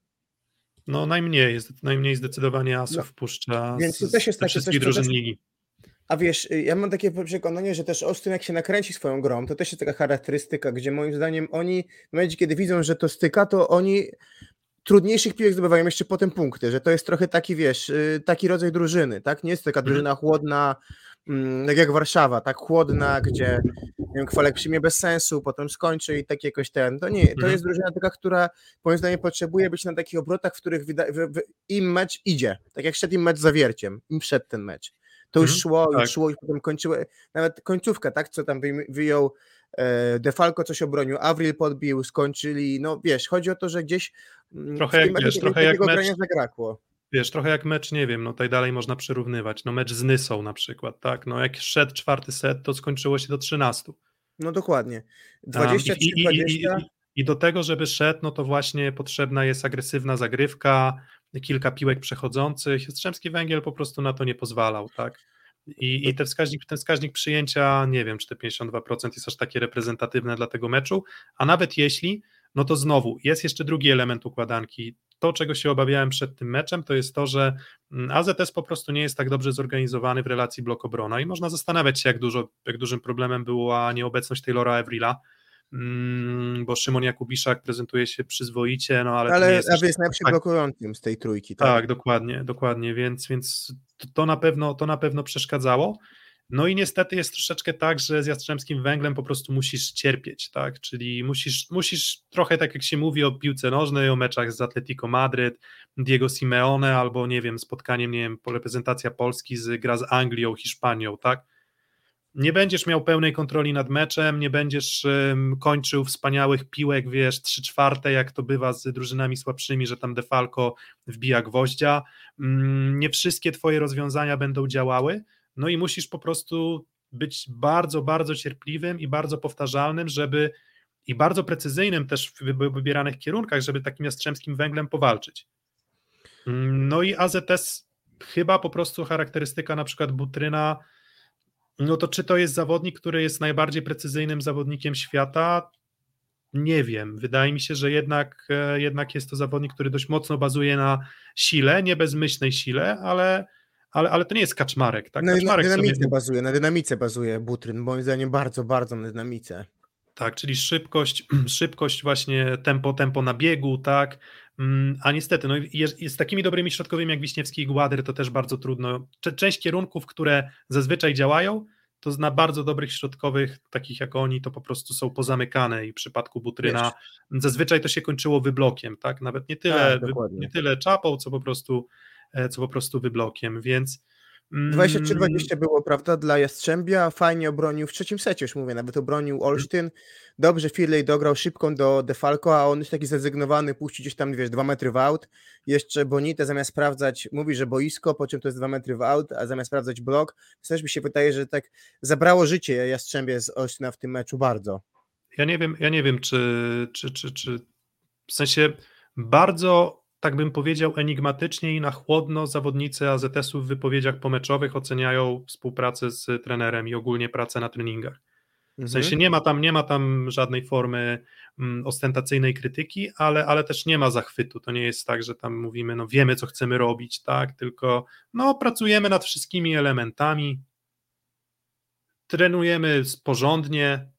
To wiesz, to takie wypowiedzi, którymi między wierszami zastanawiam się, czy coś można coś można wyczytać. Nie wiem, ale obserwując postawę boiskową, tak jak widzę drużyny jak Skra, które się rozwijają, jak Lublin, mhm. które z kolejki na kolejkę stają się coraz lepsze, jak Zaksa, tak w przypadku AZS-u nie mam aż takiego poczucia. Trochę mi to tak, tak. przypomina zeszłoroczne zawiercie po bardzo dobrym początku. Mhm. Odrobinę. Zobaczymy, jak będzie dalej. Ale zwolnienie trenera w takiej sytuacji tabelarycznej jest dla mnie byłoby absurdem. W sensie mm, jakby... Reynoldsa, chyba. wiesz, Reynoldsa zwolnili, prawda? No tak, tylko że... Przy innych, innych aspiracjach oczywiście. Nie, w sensie, w sensie rozumiem twój punkt widzenia mm, i, e, i oglądając ten mecz w drugiej części, no to, no, to, no to popieram te rzeczy, tylko że tak jak ty pisałeś, się zgadzam z tobą, e, nie pierwszy zresztą raz, że papierkiem lakmusowym dla Olsztyna nie jest, nie jest Węgier, Jastrzębie czy Zaksa, bo to jest półka mhm. wyżej, tak? I to chyba Dokładnie. widać w kulturze gry i że mamy dwie drużyny, potem jakaś tam grupa 3-7, tak? Może Warszawa z tej grupy pewnie dzisiaj wygląda najlepiej. Ale czy, czy, mm. ale czy do końca sezonu będzie wyglądać, nie wiemy, tak? No właśnie, dokładnie. Hmm, dokładnie. Więc zobaczymy. No, mówię, jeżeli po, pojawiłyby się, nie wiem, jakieś gładka porażka, no bo mówię, z, nie, mam, nie mam specjalnej nadziei przed meczem z Zaksą, może set przy jakimś rozkojarzeniu Zaksy, ale po prostu no, na chłodno oceniając y, trzy punkty dla Kędzierzyna są dla, na ten moment według mnie na takim najbardziej prawdopodobnym e, najbardziej prawdopodobnym rozwiązaniem, mm, więc e, no, zobaczymy. No, pierwsza weryfikacja AZS-u taka, jak nie powiem, że się spodziewałem, bo tam typowałem powiedzmy 3-2, tak, dacie 2-3, 3-2 dla Jastrzębskiego Węgla z takim zastrzeżeniem, że 3 do 1 to jest taki wynik na chłodno, no ale tam Secika, bo emocjonalny związek z drużyną czuje, mm, więc nie spodziewałem się jakiegoś meczu, w którym AZS na pewno zdobędzie punkty, ale spodziewałem się meczu bardziej wyrównanego. To był trochę taki cios obuchem w głowę, czyli takie ustawienie miejsca w szeregu. Dobra, chłopaki, fajnie gracie, szybko, kreatywnie, e, fajne rozegranie Firleja, jesteście stabilni, poukładani, ale przyjecha, przyjechali prawdziwi chłopcy, którzy grają o najwyższe cele i, i mężczyźni, tak, po prostu, a nie, a nie chłopcy. I, i ciekaw jestem, czy, czy, czy, czy AZS jeszcze wykrzesa z siebie na te dwa mecze do końca roku, plus mecz e, Pucharu Polski z SMS-em Spała, czy, czy, czy wykrzesa z siebie um, cokolwiek, cokolwiek więcej. No i co? Um, to co? To coś jeszcze o tym meczu do, do powiedzenia, czy, czy jeszcze przechodzimy takiego szybkiego obejścia tych pozostałych spotkań? Może szybko obejdźmy te spotkania. e, bo y, co, co, co chciałem powiedzieć akurat y, jeszcze o, o, o Resowi z Gdańskiem, tego nie powiedziałem, bo dlaczego ja tak typowałem, a nie inaczej e, spotkanie, mm, to wynikało z tego, że ja bardzo mocno się skupiłem na słowach Mariusza Wlazłego po meczu e, z, z kim Gdańsk grał w poprzedniej kolejce, co 3 do 0 przegrali z, z Skrą, że niby są symptomy lepszej gry. No i oczywiście patriotycznie postawiłem na, na Gdańsk, ale coś, jakieś te symptomy może lepszej gry trochę są i jestem bardzo ciekawy tego meczu Lublina, który dzisiaj jest, wydaje mi się, w, naprawdę w doskonałej formie. Wachnik zadziwia, Włodarczyk, mhm. najlepsze e, swoje granie ligowe przypomina, e, Filipiak tak samo, no drużyn moim zdaniem dzisiaj bardzo podobnych personalnie, jakościowo i tak dalej. Myślę, że będzie fajne granie. A co do innych meczów, to nie wiem, czy pokażemy coś z Plus Ligi, czy, czy, czy, czy z głowy. Mm, wiesz co, nie, no po prostu, po prostu przejdziemy, no bo tak, e, mm, AZT Solsztyn, Jastrzębski Węgiel omówiony. Wcześniej było Zaksa Katowice 3-0. Tak, tak, Zaksa Katowice. Mm, czekaj, wyłączę, wyłączę tę grafikę, no bo już nie będzie nam potrzebna. Mm, tak, no Zaksa Katowice, mm, taki mecz, w którym jak w przypadku tego meczu poprzedniego ze Ślepskim Malow Suwałki miałem takie poczucie, że tam absolutnie nic się nie może wydarzyć, tak tutaj miałem takie poczucie, że no GKS Katowice no mógłby no, no, no poszarpał, poszarpał. To nie, było, to nie była taka zupełna przepaść, to nie była taka zupełna, e, zupełna degrengolada, ale jednocześnie no, no co, no brakuje, nie wiem, czy tam jakiś problem, nie wiem, Kuby Jarosza, czy... czy, czy Szymańskiego nie było. No. Nie było Szymańskiego, problem Kuby Jarosza w trzecim, e, znaczy przed trzecim setem wszedł Damian Domagała, który no nie zaprezentował się dobrze. Mm, no mówię, ale to nie Wiesz, była... To nie było... Jarosza Katowice nie mają jakby mocy, tak? Wydaje mi się, po prostu personalnie. Um, wiesz co, tak, na pewno, ale właśnie, no to nawet pomimo tych braków personalnych, powalczyli, w szczególności w tym drugim secie, no i coś, na co chyba trzeba też zwrócić uwagę, no to jest powiedzmy najsłabszy mecz Kaczmarka chyba w tym sezonie. Mm, bo, bo, bo do tej pory było tak, że on był najmocniej obciążony w ataku, mm, dostawał najwięcej piłek, radził sobie z nimi bardzo dobrze, zazwyczaj dokładał też innymi elementami. Ten konkretnie mecz był, e, był nieudany, ale no właśnie, no to jest taka jest siła Zaksy i to była też zeszłosezonowa siła Zaksy, że tam zawsze był jeden zawodnik, który dawał coś ekstra. Że rzadko się zdarzała sytuacja, że nie wiem, no musiałbyś mieć trzech skrzydłowych, którzy grają, mają zły dzień, żeby faktycznie ich e, mogła położyć drużyna z dołu tabeli. No, w tym przypadku bloków. W tym przypadku ale szliwka. 15 bloków, 3 sety, tak? Zrobionych. 15 bloków bezpośrednich. Tam 3 Kaczmarka, mhm. 2 Janusza, 2 Kluta, który wchodził tylko na zmiany. Dwa Śliwa, dwa Semen, dwa Smith, dwa Huber. No, zamurowani, tak? Na, na poziomie tak, no, setu. Ta, tak, i to też, wiesz, no i to też wskazuje, wiesz, to też jest właśnie to, co mówiłeś o tych, o tych blokach, że tam każdy coś dołożył. I to jest chyba też atakujących. I, i, to jest, I to jest chyba też bardzo, wiesz, bardzo znamienne, że um, mówię, Zaksa znowu jest drużyną, która no, w zeszłym roku można było jeszcze próbować grać przy Stoniutiego. W tym sezonie trochę się tego spodziewaliśmy, że ten atut Janusza, jeżeli chodzi o blok, spowoduje, że praktycznie nie będzie łatwej strefy do ataku. Mhm.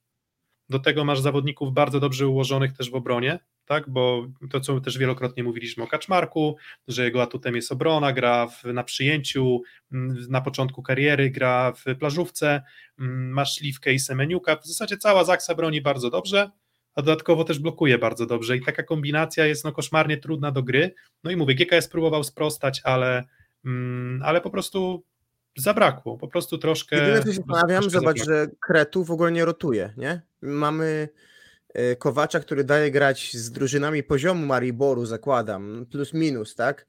Może nie, no może ci, ci e, czarnogórcy byli ciut niżej, bo tam mieli tam 14-latków na libero, mhm. ale no teraz Dukla Liberec pewnie też zagrają zmiennicy, a Kretu z Mariborem gra głównie pierwszym składem, tam małe rotacje, trochę wszedł Klut szybciej, ale mhm. tylko chwilę Żaliński, tylko chwilę Staszewski, cały mecz Semeniuka i nie wiem, czy czy, czy, czy, czy to jest założenie Kretu być żelazną siódemką e, mhm. i jak to będzie wyglądało w perspektywie. To jest pewnie inny poziom każdego z ich fizyki, no ale Kaczmarek... Wiesz, a narzekali, wiesz, narzekali na szkołę włoską, a szkoła rumuńska rotuje jeszcze mniej.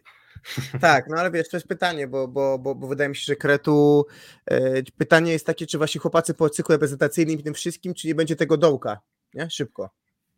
No właśnie, na razie, na razie wygląda na to, że na przykład Śliwka się odbudował. Powolutku, powolutku idzie w górę. Um, Kaczmarek, no, jeden, tak, Kaczmarek jeden, jeden słabszy mecz, niczego Mhm. tutaj absolutnie nie zmienia. Um, no i co? No i chyba Norbert Huber, no nie wiem, czy najlepszy środkowy w tym momencie ligi. Myślę, że tak. najbardziej, najbardziej, najbardziej kompletny.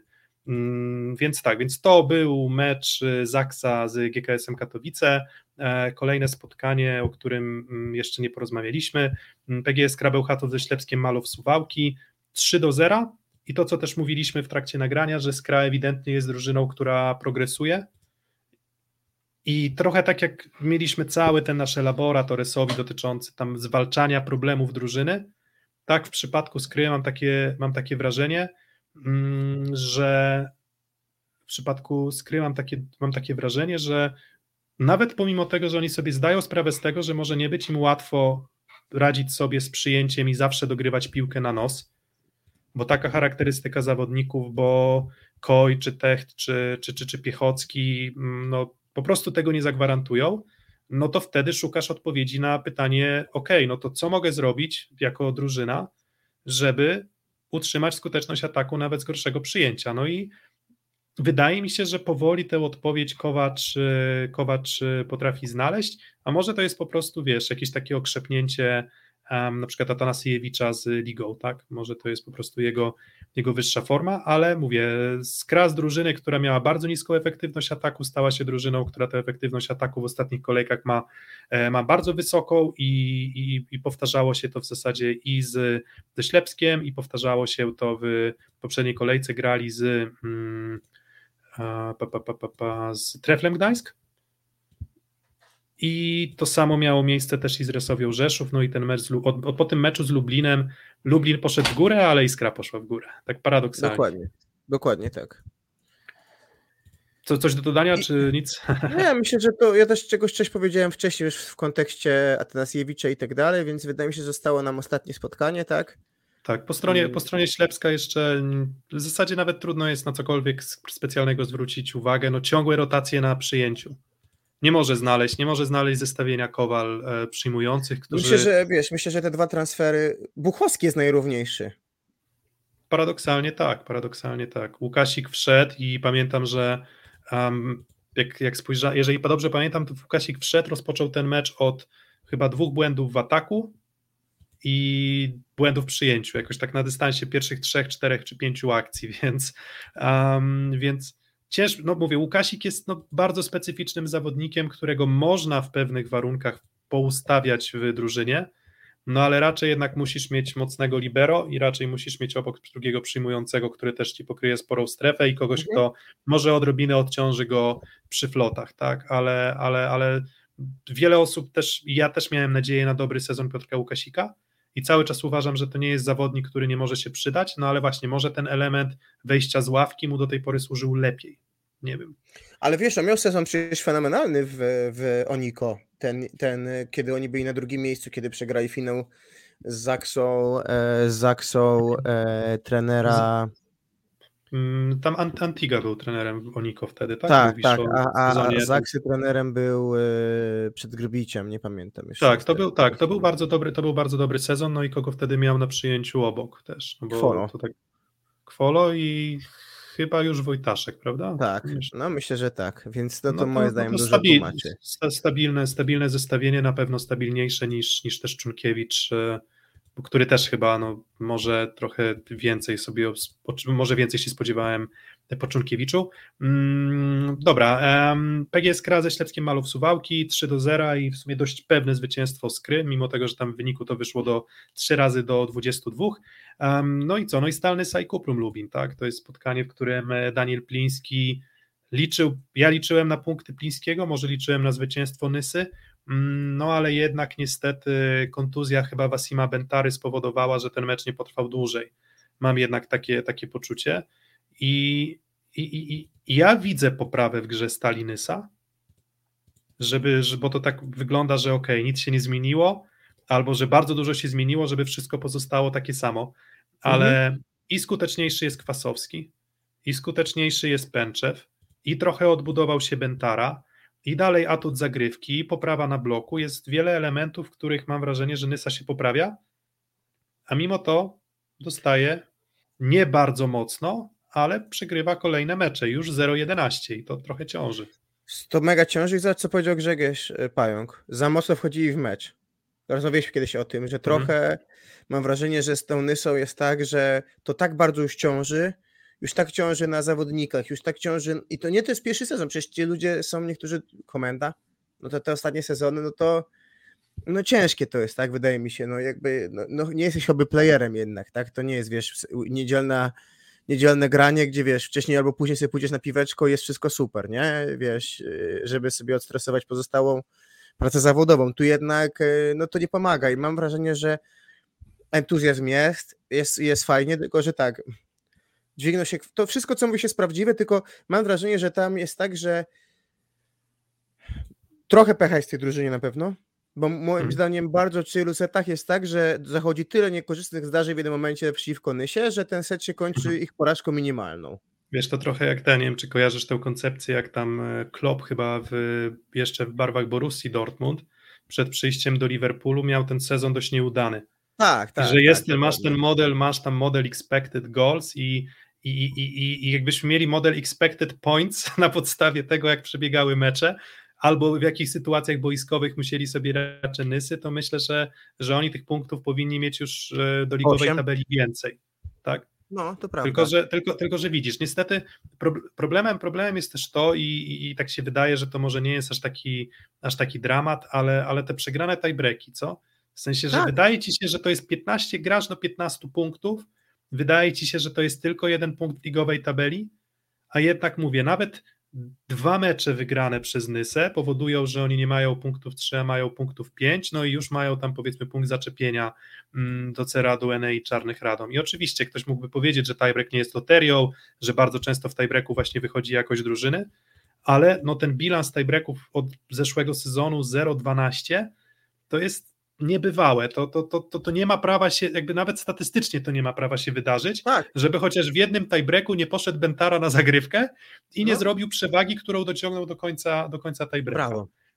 Brawo. Więc Mhm, brawo, ale no, i, i no to wiesz, wiesz, i to, można liczyć cały czas, to się obróci, tak? Ale to już jest mega późno. Już jesteśmy na etapie takim, że okej, okay, Niby tracił tylko trzy do Suwałk, tak? mhm. No ale na dzisiaj to jest główny kandydat do spadku, tak? I to ciążyć będzie coraz bardziej. No nie wiem, jedyne co może z tego moim zdaniem wyrwać, to są trzy zwycięstwa. Trzy takie, że wiesz, nagle łapiesz trzy razy, wygrywasz i nagle wszystko, co No było, teraz jesteś na, te- na fali. No i widzisz, no i teraz wyjazd w Radomiu i wyjazd do Lublina. Dwa takie mecze, w których znowu nie będę, znaczy z Radomiem to nie wiem, czy w sensie moim zdaniem Radom gra dość sła- słabą siatkówkę. Mm, I, i, nie, I jakby mam wrażenie, że te 6 punktów, y, przepraszam, 8 punktów Radomia w tabeli to jest też bardziej kwestia tego, że akurat trafił im się Ślepsk bez Tuanigi, tak? Przede wszystkim. Mierny Um, Gdańsk. Mierny Gdańsk, no i na Kuprum Lubin mm, ta słabość Dobry skrzydłowych, dobry mecz, ale słabość skrzydłowych była mniej widoczna z uwagi na przykład na Sekitę. Czyli Mhm. Faryna mógł, znaczy, przepraszam, przyjmujący, tacy jak Berger albo Santana albo Rusin mogli sobie śmigać w miarę swobodnie przez czy Mhm. Kapicę, czy Sekitę, no i było tam jakieś tam ustawienie, które pozwalało im mieć punkt zaczepienia. Jak przyszła drużyna z mocnym blokiem jak Kluk Lublin, to już niestety zamurowali ich zupełnie, tak? Więc tam jest problem po prostu z, od początku sezonu z, z jakością ofensywy, tak? I, i, i, i próbuje już Bednaruk też em, w tym meczu z Lublinem, przecież w podstawowym składzie wyszedł Wik- Wiktor Nowak, co Mhm. było pierwszym taki, pierwszą taką Mhm. sytuacją w sezonie. Mhm. No i też, no pytanie, czy chciał, żeby to była dla tego zawodnika bardzo mocna nauczka, jeżeli on tam miał chyba bilans, nie wiem, 15 punktów straty na w pewnym etapie seta? Mhm. Jakoś tak było, że, że, że, że no, to ten pierwszy set y, w meczu Lublin-Radom był takim zupełnym pogrążeniem mm, czarnych. No i trzymał go na boisku, trzymał go na boisku bardzo uparcie um, trener, e, trener Bednaruk, tak? Mm, No, a Kędzierski wszedł dopiero w y, secie trzecim, Tak. więc pierwsze, pierwsze dwa sety dał i no wiem, że wiem, że dużo wiary jest na pewno Wiktora Nowaka i ja myślę, że to może być no, kolejny taki przyzwoity, fajny, rozgrywający Polski, ale chyba jeszcze nie jest gotowy do tego, żeby wejść i prowadzić te mecze od samego początku na poziomie plus ligi. A może nie ma wykonawców, a może jest tak samo z Kędzierskim, że to tam można narzekać na e, jakość piłek e, Kędzierskiego, a może jest tak, że po prostu Berger czy Rusin, czy Santana, czy Faryna po prostu są takimi, no, no, no mówię, no Berger to jeszcze jakąś kontrolę i technikę w ataku ma, ale i Faryna i Santana to przecież i w zeszłym sezonie w Będzinie pokazywali, że to są takie no rewolwerowcy, tak? Raczej bym powiedział, Mhm. tak? To, to, nie, to, to, Mhm. to nie jest to nie jest precyzja, to nie jest y, mm, to nie jest piłeczki na centymetry, to jest duża siła i, i, i może działa, więc no, zawsze z tymi ocenami rozgrywającymi ich, rozgrywających mam ten problem, że nie wiem, czy to jest kwestia ich, czy, czy kolegów. To co? Kończymy. Dziękujemy. Tak jest. Tak, godzina, tak, godzina 58, więc um, o każdym meczu jeszcze tam parę zdań e, powiedzieliśmy. Mm, typy na hity kolejki, no to Aluron Sims i Warta Zawiercie ze Skroł już mówiliśmy. Um, Trefl Gdańsk Luk Lublin, Mm, bo to też taki interesujący mecz tych takich dwóch drużyn, które dwóch pogromców Resowi się spotka. Eee, wiesz, no, ja nie jestem obiektywny. No tak, no ale, ale, ale tak jakby się odciął, odciął, mówię, to, to dobra, to jak ja, dobra, to jeżeli ja jestem obiektywny, jakbym to odciął, to, to powiedziałbym raczej trefl, ale tiebreak by mnie nie zdziwił, w sensie mam wrażenie, że to są, obie drużyny mają atut mm, obrony, no, obrony Mhm. i bloku tym Mhm. momencie, także tam nie wyciągałbym aż tak daleko idących wniosków z tego meczu z Resowią, jeżeli chodzi o trefla, to nie jest Mhm. tak, że mam wrażenie, że wszystkie problemy Wlazłego zostaną rozwiązane, ale taka, Nie, takie ale defensywnie, ale po, top, powrót Miki top. Nawet to, Mm. że Reicher był mega problemem jednak obiektywnie. Jego liczby były bardzo słabe i Mika daje realną nadzieję, że no, równując te liczby do jakiejś średniej ligowej, już to da sporo Gdańskowi. Bo Mhm. Reichert grał nam ujemnej prawie każdy mecz. Tak, no dokładnie i to nawet nie, wiesz, nie, poprzeczka nie jest bardzo wysoko, no a wystarczy, że po prostu, mówię, w tym, być może faktycznie było do tej pory tak, trzeba byłoby to przeanalizować, że w tych ustawieniach z Reichertem na lewym skrzydle po prostu próbowali, nadra, znaczy nadrabiał trefl z ustawieniami z Lipińskim i na przykład, nie Mhm. wiem, wlazłem w pierwszej linii, a na przykład, nie wiem, ustawienie z Reichertem i wlazłem w drugiej linii byłoby e, dużym problemem, więc tak, no duży szacunek dla Mateusza Miki, no stawiam mimo wszystko na Trefla Gdańsk, ale, ale, ale, ale mówię, nie zdziwi mnie tiebreak, taki mecz, trochę myślę, że to może być taki mecz jak z Zawierciem był na początku sezonu, czyli taki przedłużone akcje, dużo obrony, dużo bloków, raczej nie spodziewam się takiego meczu czyściutkiego, że tam wiesz, side out, side out, side out, tylko Nie, no obie, jasne, drużyny, obie drużyny będą walczyć. Mm, No i co, no i Zaksa, ZS Olsztyn, no 3 do, 3 do 0 dla Zaksy, taki jest mój, mój typ. Seta ZS-u będzie dla mnie bardzo, znaczy no, sporym zaskoczeniem, o tak powiem, że, że po tym, co zobaczyłem z Jastrzębiem, to, to, to, to nie, nie wiem, to chyba, że Butryn znajdzie jednak sposób na, na, na, na, blok, na blok obronę Zaksy, może to był po prostu jego słabszy mecz, bo bardzo łatwo się pogrążyć w takim, takiej ocenie, że no, problemem jest e, na przykład Butryn, a to jest tylko jeden mecz, ale jeżeli to będzie znowu taki, tak jak mówiłem, taki plaskacz w twarz, mm, no to trzeba będzie pewnie zrewidować ten Olsztyn, trochę skorygować oczekiwania i powiedzieć, trochę tak jak przed sezonem zresztą była mowa, że to jest raczej 6, 5, byle nie trafić na Zaksę Jastrzębskiego Węgla i można walczyć w playoffach, ale trafienie na Zaksę Jastrzębski jest moim zdaniem, daje zerowe szanse AZS-owi na to, żeby, a, żeby awansować do półfinału. No myślę, że tak, myślę, że tak. E, Co, co w tym meczu widzę? No, no, skłaniam się ku twojej ocenie. Z drugiej strony wydaje mi się, że to jest taki mecz, na którym musi jechać Olsztyn z takim myślą, że nie ma nic do stracenia. To Hmm. trochę na tej zasadzie, że jedziesz, no i generalnie no, to nie są mecze, gdzie masz te punkty zdobywać. Mm, A w Tak, sumie masz może- stracenia. Tak, może, może Zaksa jest bardziej wrażliwa w przyjęciu, bo jest niż Jastrzębie. Może jest, wtedy tak. ta zagrywka Defalco albo Butryna będzie w stanie Mhm. sprawić, że Zaksa trochę pokrwawi. Więc no mówię, jeżeli, jeżeli zacznie się od zagrywki, to, to, to Olsztyn może odrobinkę z Zaksą powalczyć.